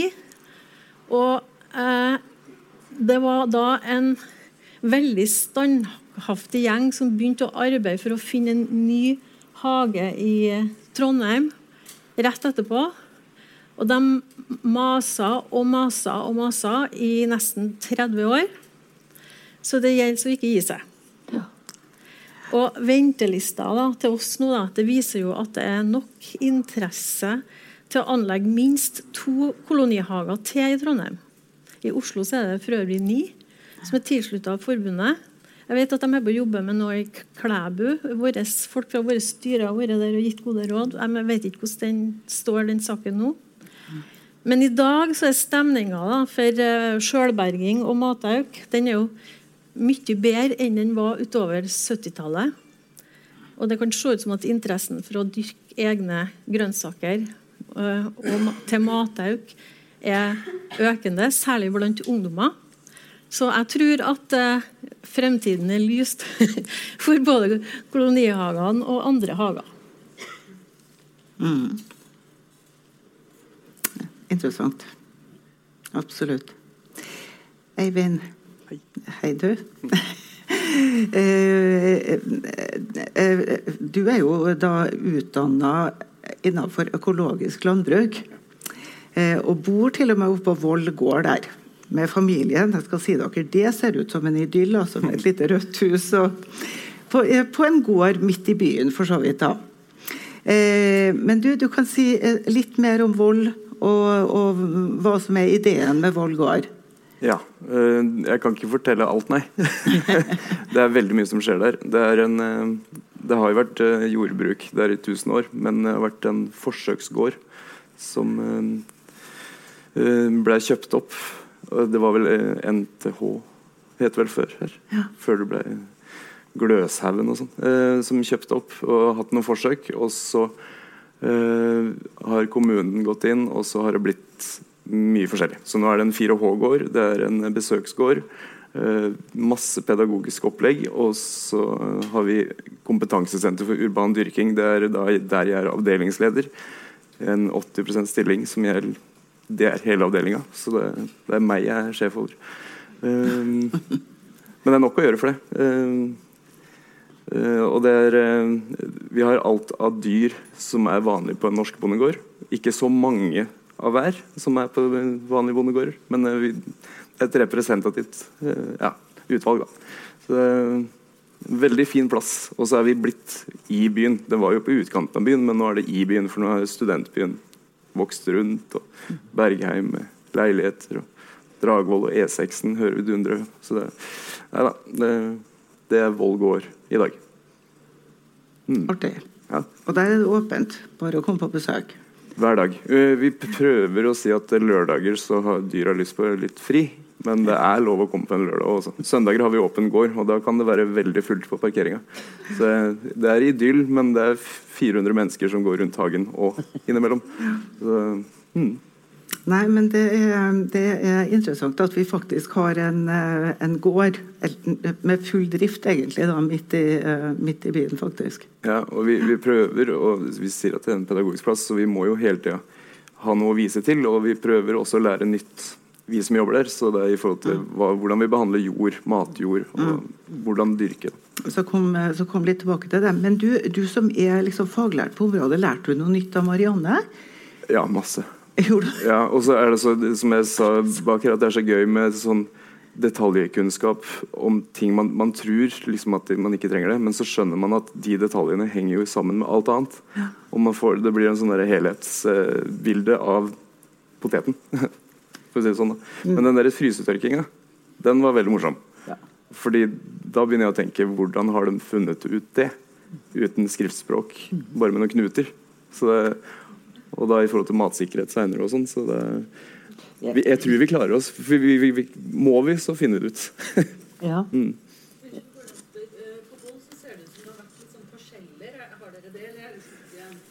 Nei, det som ser ut som parsell, det var starten på kompetansesenteret. For da var det snackhagen, en sånn liten del.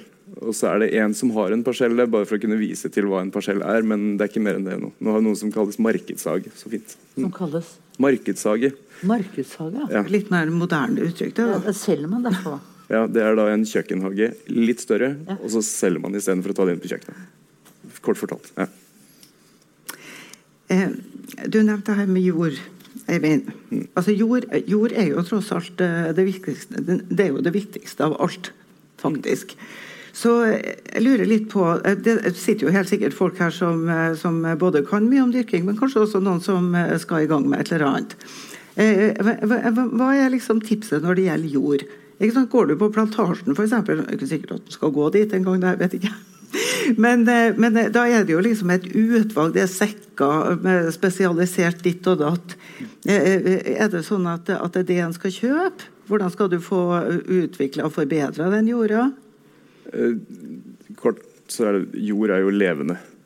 Et levende materiale. Så man vil jo gjerne tilføre noe levende. Alt det mikrolivet vil ha noe å leve av. Det, den får den tilført av planter. og Hvis du ikke har planter som tilfører det levende ned til, eller næringa ned til mikrolivet, så må man putte noe sjøl. Kompost eller gjødsel eller noen sånne ting. Og Mye av den kjøpejorda er jo ganske dødt. Så Jeg skal ikke snakke ned noen som selger noe. For, og den døde jorda, altså torv som mange bruker, den har vi fortsatt litt bruk for. For vi har ikke funnet en sånn mye bedre erstatter. Men, men det er et dødt materiale, samtidig som vi ødelegger myr. Så, mm. uh, men uh, levende jord, mikroliv og kompost er liksom de orda jeg brenner for. da, i gjør dette her. Og så går det jo selvfølgelig husdyrgjødsel uh, oppå stokker da. Ja, vi komposterer jo den. Ja, mm. Men så er det jo ikke altså Noen bor jo ikke sånn til at det er mulig å holde på med så mye husdyrgjødsel. da. Og, og, hva skal en gjøre da? Ikke sant? Sånne lyseblå kuler skal vi jo ikke bruke, i hvert fall. Nei. Er bokashi f.eks. en eh, mulighet? Eh, bokashi er fint. Og det er veldig, veldig greit hvis man bor sånn at man ikke har lyst til å ha matkompost som kanskje står og irriterer naboen. eller... Mm. Det kan lukte litt. Det kan kanskje, du skal, kanskje du skal si bitte, bitte lite grann om hva det er? Det er ikke sikkert alle vet hva bokashi er? Bokashi er eh, matkompost i et lokka system, altså en anarob prosess der man fermenterer matavfallet med noen sånne melkesyrebakterier i et sånt strø. Og så står det i to uker og godgjør seg, og så ser det nesten helt likt ut når det er ferdig, men du kan blande det rett i jorda, og så blir det masse næring til mikrolivet. da. Eh, det er bokashi. Og så husk å grave det langt nok ned. Fordi grevling og rev vet også hva dette er, tydeligvis. Så, hmm. Nei, men eh, da har vi fått litt på det. Det, det fins for oss som er veldig late, sånn som meg. Der kjøper jeg på planteskolen plantesenteret kjøper jeg potetgjødsel organisk.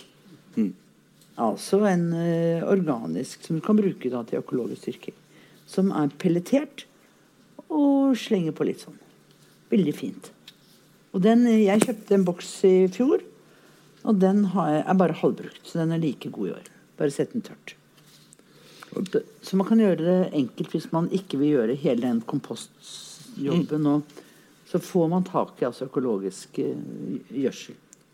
Og, og vi merker jo at det er fokus på det, så det blir bedre og bedre produkter. Ja. Og flere og flere som kommer med produkter. også. Så, Og man kan kjøpe torvfri jord. Mm. Men den er litt dyrere. Men, men det går. jeg, jeg bare kom på en ting som jeg har begynt å prøve nå. Det, I forhold til Klassekampen og jorddekke. Jeg har begynt med ull. Skrapull og lagt ut. Veldig fint. Ja. Og der er det også mye næring i den der 14% nitrogen eller den der ulla. Men hvor i all verden får han tak i all den ulla, da?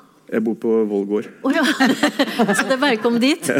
Ja, vi har noen sekker, men, Ja. men det er veldig mange bønder som har det som et avfallsproblem. Ja, ja. Og, og dere vet det nå, så nå kan man få tak i det sånn, men etter hvert så blir dette kjent, og så blir det på plantasjen til 50 kroner sekken. Ja. Så vi må Akkurat som jeg lærte opp damene, vi lærte opp damene i Peru til å sortere ulla. Mm. Så Et lite tips når det gjelder bokasjen, da, eh, det er det at det er mulighet eh, for å få 50 eh, stønad til innkjøp av sånn startsett hvis man søker til Trondheim renholdsverk.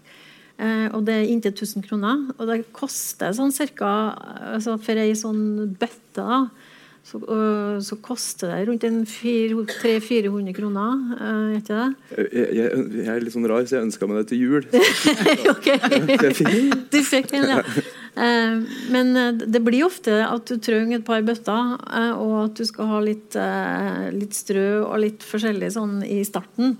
Og da går det an å få 500 kroner til Trondheim kommune via renholdsverket. jeg lurer på om Oslo Det er kommune- det må jeg kjempetips. finne ut om Oslo kommune er.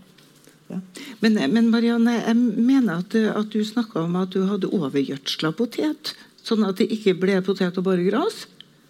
Nå snakker du om når jeg var tolv år gammel. Ja, Men altså, er ikke, er ikke konklusjonen da at, eh, at det skal ikke gjødsle så veldig mye? Nei, altså, og det som er viktig, er at det ikke er for basisk jord. Altså På potet den liker heller litt sur jord. Ikke det, det året dere skal dyrke potet, så er det veldig dumt å kalke, for da får dere veldig lett skurv. Sånn at det er viktig når dere setter poteten Hvis dere har en liten kjøkkenhave og skal sette poteten, så ikke kalk den delen som dere skal ha poteter i. Da ta heller den andre delen av øh, kjøkkenhaven og kalk der hvis nødvendig. Eh, men apropos den der øh, veldige gjødslinga som gutta drev med, da. eh, som skulle hjelpe meg å dyrke poteter når jeg var tolv år. Ti-tolv år. De skulle jo bare drite meg ut. Ikke sant? Så de holdt jo på å le seg i hjel, så det var jo forferdelig. For jeg kom jo fra byen, ikke sant? jeg hadde ikke peiling. Men de hadde jo vært med på å dyrke. Alle i grenda der, eh, der vi hadde den gården, eh, hadde jo kunnet å dyrke. Så de kom jo med en, eh, en, en, halv tilhenger med hønemøkk, brent hønemøkk. Og den er jo så sterk. Og riset bare vokste. altså sånn, Virkelig sånn. Ja, det var høy, nesten like høyt som meg. Og så velta det seg ned, og så ble det ingenting, altså. Men jeg får skurre på poteten likevel, uten at jeg kalker. Jeg får skurre på poteten Ja. uten at jeg Og da har siste tips jeg har fått på det, er at hvis man setter poteten, så skal man pakke godt rundt jorda. Altså, dere setter, jeg vet ikke om dere setter flatt eller om dere lager drill. Det er begge deler. Noen liker det ene og andre, noen liker det andre. Um, men poenget er at du pakker jorda godt rundt den når dere har satt den. Uh, noen, noen større produsenter nå de kjører til og med en valse over for å, for å få trykket jorda, og da kommer ikke disse bakteriene så godt til. Så dytt liksom Dytt sånn med hendene sånn. sånn. Eller bruk en, spa, eller bruk en ståle, stålrake. Sånn. sånn. Jernrake heter Så det. det er fuktig luft, da? Ja, det, er, det er tilgang på luft som gjør at de kommer til tidlig. Ok. Ja, for det, var, ble en del i fjor. Mm. Og det var jo litt uh, ujevnt i forhold til tørke og vanning og sånne ting. Men, og den leirjorda sprekker jo en del opp, da. Ja. Leire er jo ikke så enkelt å dyrke potet i. Nei. Men det er mye leire her i Trondheim. Trondheim. Ja, for det er det jo selvfølgelig pga. fjorden og hele greia. Ja.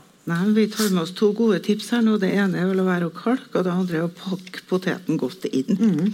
Men du Marianne, du nevnte jo det her med settepotetene og nevnte overhalla.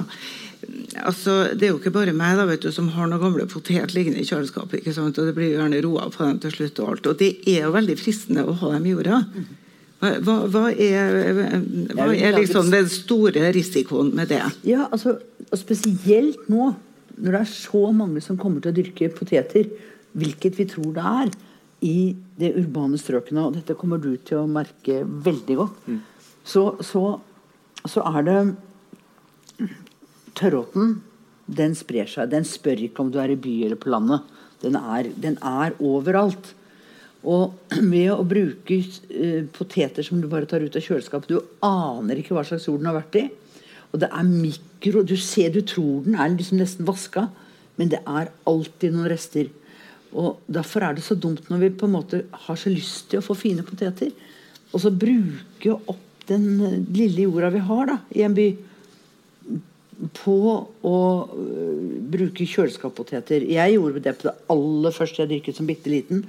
Men, men det, er, det er øh, forbudt, syns jeg nå. fordi at nå kommer det til å bli i Alle som har en hage eller en balkong, kommer til å kjøpe seg en sånn krukke. Potetkrukke. De er kjempemorsomme. Og har dere barnebarna eller barna, så kan dere ta så kan du kneppe av én potet. Det er jo veldig moro. Og, og, ja.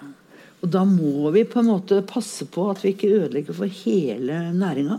Ikke bare for oss som er bybønder, men, men også for bøndene som er, virkelig skal leve av dette her. Da.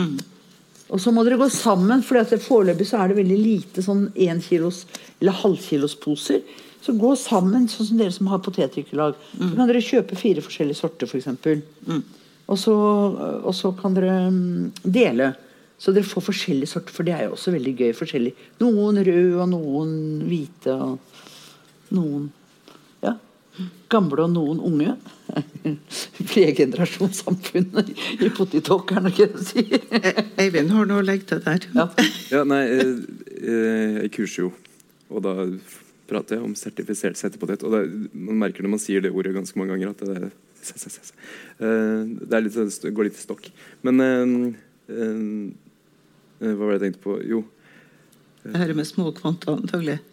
Ja, for vi har jo det eh, at vi, vi ordner til at vi kan dele opp, sånn at folk kan få hente litt ja. mindre hos oss. da. Så jeg- jeg mista litt uh... Ja, men da har jo du løst det. Nå kan alle komme til han. Så kjøpe Ja. sertifiserte settepoteter i små beger. For øvrig så, så delte jeg med ut settepotet på biblioteket her i fjor. Så jeg vet ikke om de har tenkt å fortsette med det. Det sto borti eh, er hylle bortpå der. Jeg tror det var tre på hver eller noe sånt bare da.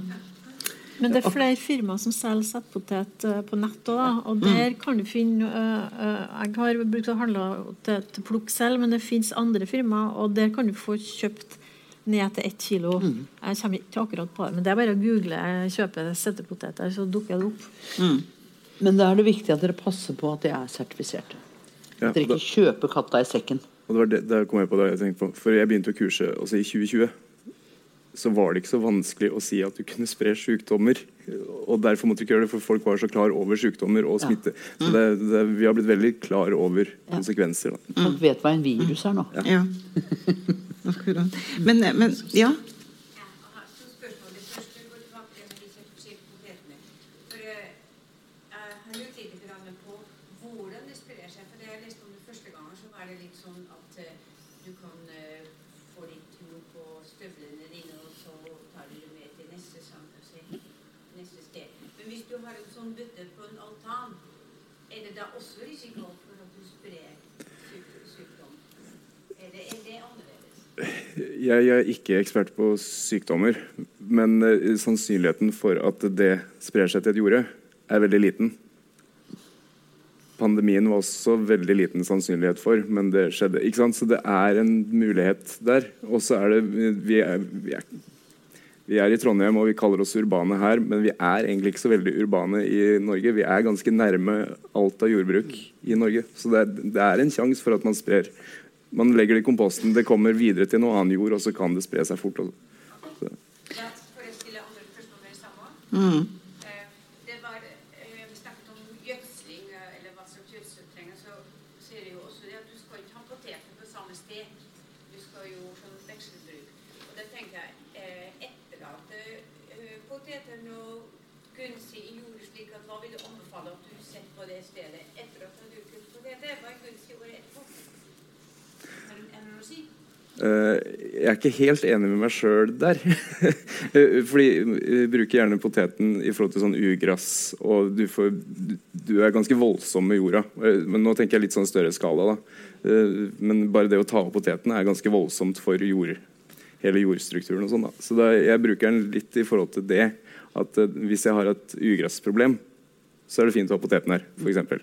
Uh, men så, han er jo ikke næringskrevende. Og så Kålen kan være veldig næringskrevende. Så da kan jeg gjerne ha den etter korn, f.eks. Mm. Eh, men jeg har, også noe, jeg har noe felter med grønngjødsling. Det er altså at jeg bare sår ut noe som skal tilføre næring i jorda, og som jeg ikke spiser, men det er liksom bare ja, det ser fint ut, og det er fint for jorda. Så det, det er der jeg er litt uenig med meg sjøl. Om jeg skal ha det før eller etter korn og så potet. så, men uh, du kan tenke litt sånn i næringsinnhold. Og så er det det med surheten. Og eh, uh, kålprodukter vil jo gjerne ha det mye mer basisk enn Kålprodukter, ja. Brassica, den delen. De vil gjerne ha det mer basisk enn poteten. Så det er noe med å tenke på der òg. Hvis, hvis du bruker kål først, så, og så kan du ikke tilføre kalk der, og da kan du ha poteten. Skjønner du? Ja. Vi skal ta et uh, siste spørsmål. Jeg oppdaga plutselig at klokka var ti på ni. Jøye meg, den kvelden gikk du. Tore, vær så god. Nei, også Øystein. Unnskyld, Øystein. Ja. Jeg har bare lyst til, Siden vi snakker om sykdommer, så har jeg lyst til å nevne potetsystematode. Det går for å være den mest frykta potetsykdommen. Mm. Eh, Så den har jo som konsekvens at en profesjonell bonde mellom jorda ligger brakk i kanskje 20 år hvis du har fått det tilbake. Så Det er det absolutt viktigste å ikke spre. Som tørråte det sprer seg jo fra en balkong hvor som helst, så kommer det til å spre i lufta. Jeg er ikke sikker på, jeg kan ikke mye om potetsystemattode, men den, den er kjempefarlig. Og det er vel en årsak til at vi ikke i hvert fall har holdt på å bytte gamle poteter mellom oss og spre det rundt omkring.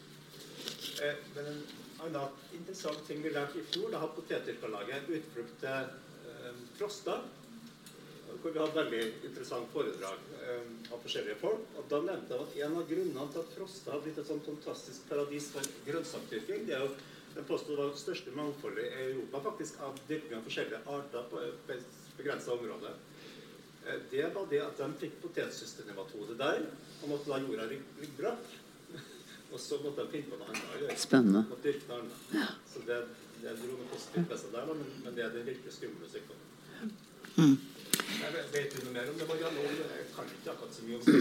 Nei, altså I Norge har vi veldig lite potetsystemattode.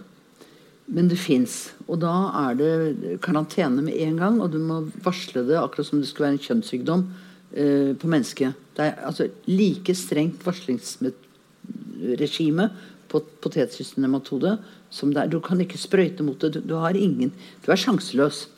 Og den tar store deler av avlingen. Du ser det stedene så kan det være sånn Planten som er så stor til vanlig, der den er, er det sånn. Det er også en liten å, den kalles også potetål. Og den spiser da um, Legger egg på selve rotsystemet på poteten og tar fra den næringen. Og det er klart Hvis du har en sånn bøtte med potet på balkongen din, så må du skifte ut den jorda. Ikke sant?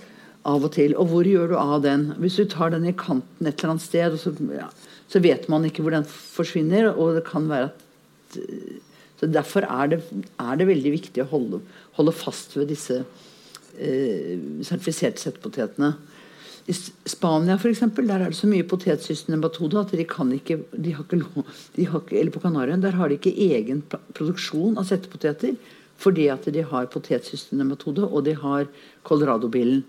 Så de kan, ikke, de kan ikke produsere sine egne settepoteter eh, som er sertifiserte. Så, sånn det, og Derfor er det veldig viktig at vi ikke tar med oss poteter fra et annet land. For vi vet ikke hvilke land som har strengt regime på det, og hvilke land som har gitt opp. Så, så, så dette her, det er jo bare kun potet som det er forbud mot å importere. Ja. Men når, når du sier det, så har jeg forstått at hvis du har sertifiserte poteter et år, og du har dyrket, så kan du ta av dine egne poteter og sette de et år etterpå. Det kan du gjøre. Ja. Ja. Det har du lov til. Mm. Um, Tre år sier man at eh, en settepotet liksom er sterk. Øystein, hvis du har et eh, påtrengende spørsmål, skal du få stille deg. Hvis ikke, så vil jeg gjerne få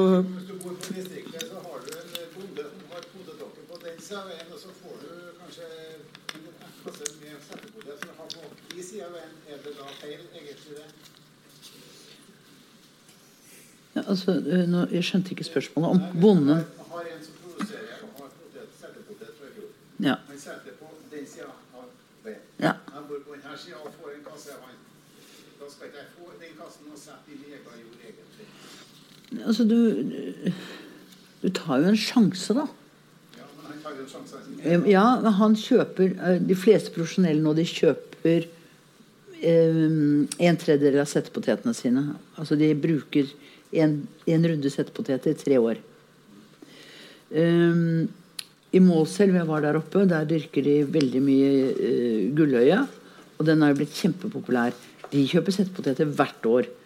Og fordi at de kjøper det hvert år, så har det gått bra der med å dyrke uten opphold. Det er, altså, de har rett og slett kunnet dyrke år etter år på samme De har ikke drevet vekstskifte.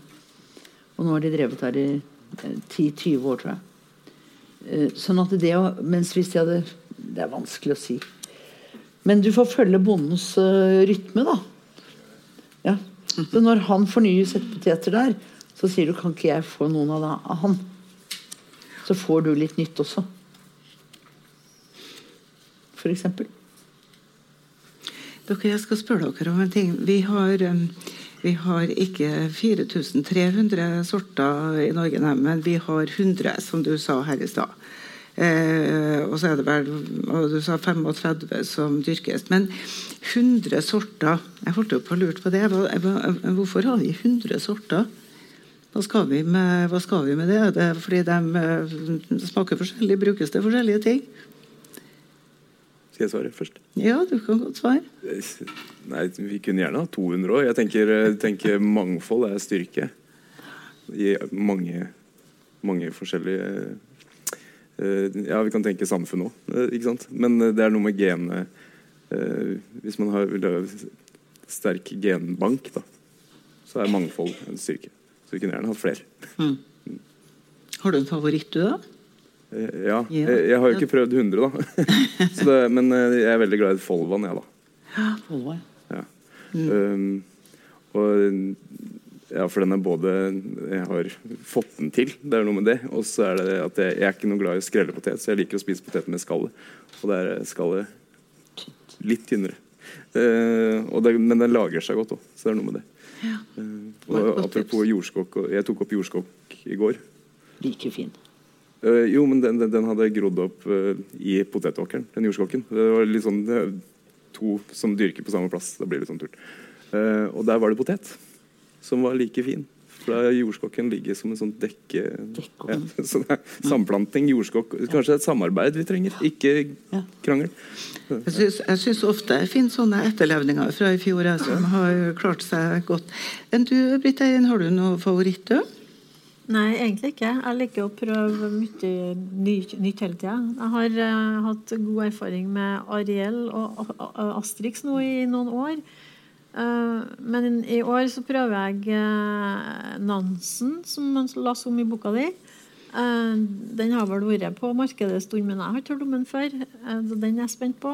Og så prøver jeg en tidlig sort som heter Columba. Den har, den har jeg ikke hørt Den er helt ny. Den er ny, ja. Og så Cash Pink, for det dyrka mora mi. Det er Ja. en nostalgi. Du, Marianne, du, du driver og dyrker? Gjør du det? Eh, Ja, Litt av altså, bøtte, eller? Kan det være at jeg, kan være jeg skal flytte nå, så jeg vet ikke riktig. Men eh, jeg har dyrket både på en sånn kvadratmeterplass, litt som sånn. Ja, akkurat som den hjørnet her. Sånn. Der har jeg dyrket på, på friland. og så har jeg dyrket har jeg hatt bøtter, og så har jeg hatt gras. Um, Men har du en favoritt? Hva spørsmålet? Tenker du som smak eller for å dyrke? Ja, det kan være begge deler, kanskje. Altså det som er viktig når vi skal dyrke i haver, da, så er det også å se på hvor tørråteresistente er de. For eksempel, det er veldig viktig. Og der har du Carolus, er veldig resistent, men den er så forferdelig stygg. Og jeg syns at jeg synes det jeg skal ha i haven, skal være pent. Nansen er pen. Den er også veldig er mye mer resistent enn mange andre. Tidlig potet, der syns jeg Juno har vært veldig god, og jeg syns Sirissa er veldig lekker. Sirissa har også veldig fine blå blomster. Så, så det er liksom litt hva man vil ha. Da. Men det, det er om å gjøre å blande mest mulig og dele. Og de, altså, å dele med venner som driver med litt aldeles små, smått sånn, så er det så gøy. For da får du forskjell. hvite blomster og lys rosa og mørk rosa blomster. Å spise er min favoritt gulløye. Eh, Gulløye er kjempegodt. Og mandel. Eh, Du begynte å snakke om stygge og pene poteter her. Og det kan jo bringe oss kanskje litt over på det her med, med norsk produksjon og import.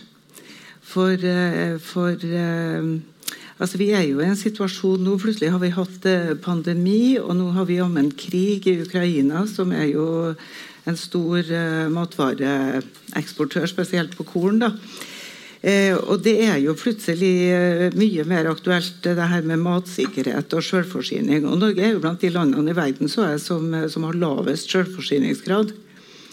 Så, så spørsmålet er jo om, om potet kan spille en større rolle på det området der. Altså vi, vi importerer jo nå eh, potet fra Israel og fra Frankrike. Og den viktigste begrunnelsen, bortsett fra at kjedene skal tjene penger, da, det er jo antagelig at de er ja, som du sier, små og pene. da. Nusselig å gjøre seg på middagsbordet. Så er vi, er vi blitt så fine på det at, eh, at ikke vi kan ha en vanlig norsk potet. Spør du meg? Ja. Um, ja, det kan tyde på det. Det kan tyde på det. Og spesielt den tiden da hvor, hvor eh, det var tillatt i hele EU å sprøyte mot eh, groing. Altså Vi har forbud mot groing, har hatt hele tiden.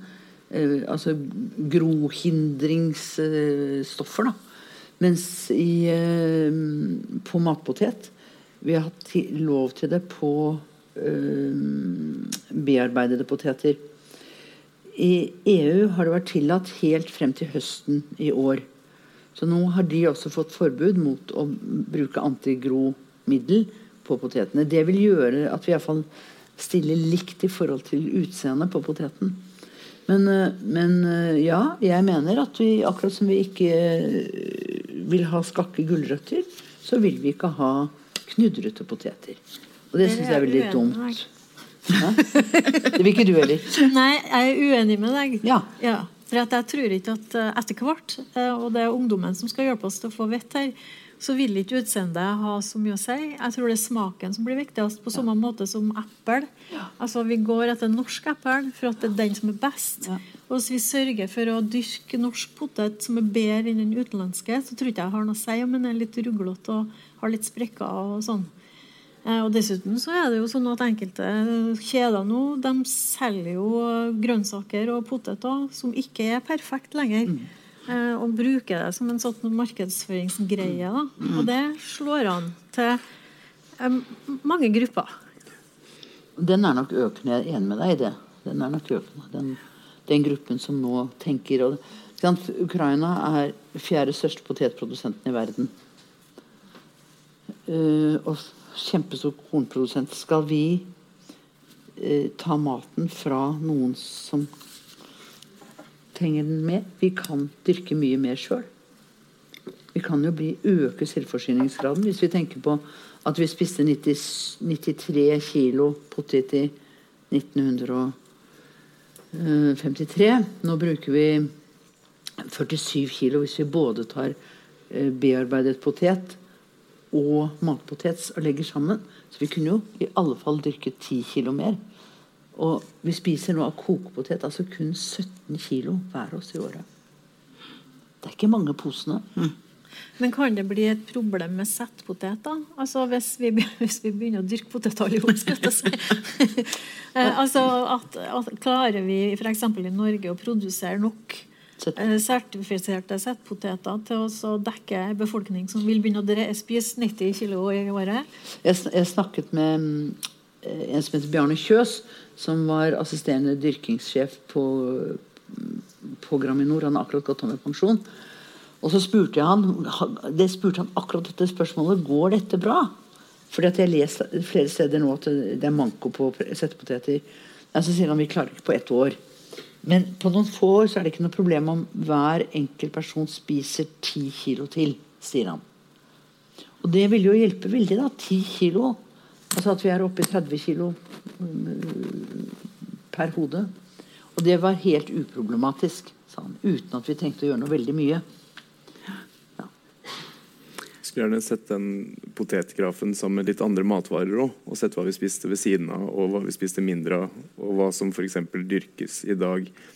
For hvis poteten trenger, er mindre kravstor til jorda, og den jorda bruker vi nå til f.eks. mat til det som skal bli kjøtt. Mm. Ikke sant? Så vi kan jo, Det er jo noen regnestykker her som ville gjort det enklere for å dyrke potet etter hvert. da. Helt klart. Mange store spørsmål.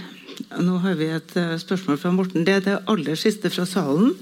Og så skal vi ta og runde av. Det er bare en liten sånn grotesk historie. I fjor høst så var vi på Helgøya. Der var det en kafé som solgte bakte poteter. Og så dum som vi er, så spurte vi om den kom fra nabogrinda, eller om det var nærheten der. Kanskje vi kunne få kjøpt direkte sånn bakte potet. Nei, det blir ikke laga i Norge fordi at det er for billig. Det kommer fra England. Det er for billig. Ja, alle, alle bakte poteter som serveres i Norge, kommer fra England. Det har noe med størrelse og pris å gjøre. Mm. For det, og, og vi har jo også spist oss nesten forderva franske poteter nå, som er mer eller mindre helsefarlig. Da har tydeligvis har blitt bedre nå. Men eh, jeg syns vi skal satse mye mer på norske poteter overklare det. Jeg er helt enig. Da tror jeg vi lar Morten få eh, siste ordet. Jeg skal si eh, tusen takk til deg, Marianne. Først og fremst fordi du tok turen til Trondheim. Eh, og til dere toene. Og er det noen fra Litteraturhuset her? Ja, dere sitter der. skal si tusen takk til dere òg for at dere tente på ideen om dette møtet. Og takk til publikum.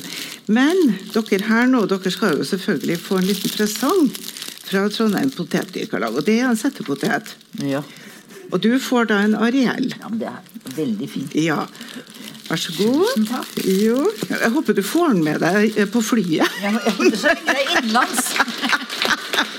Og så flott. eh, Den har jo nydelige, nydelige groer.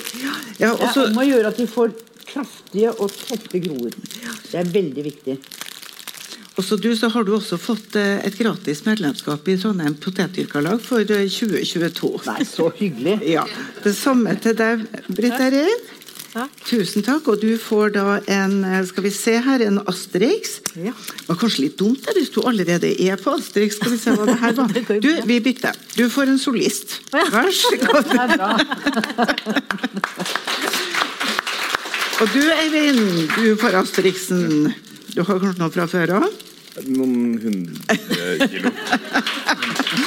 Og dere, og dere får selvfølgelig også gratis medlemskap dette året. Så gøy. Eh, takk for et eh, artig møte. Takk for mye artige spørsmål. Vel hjem. Takk for meg.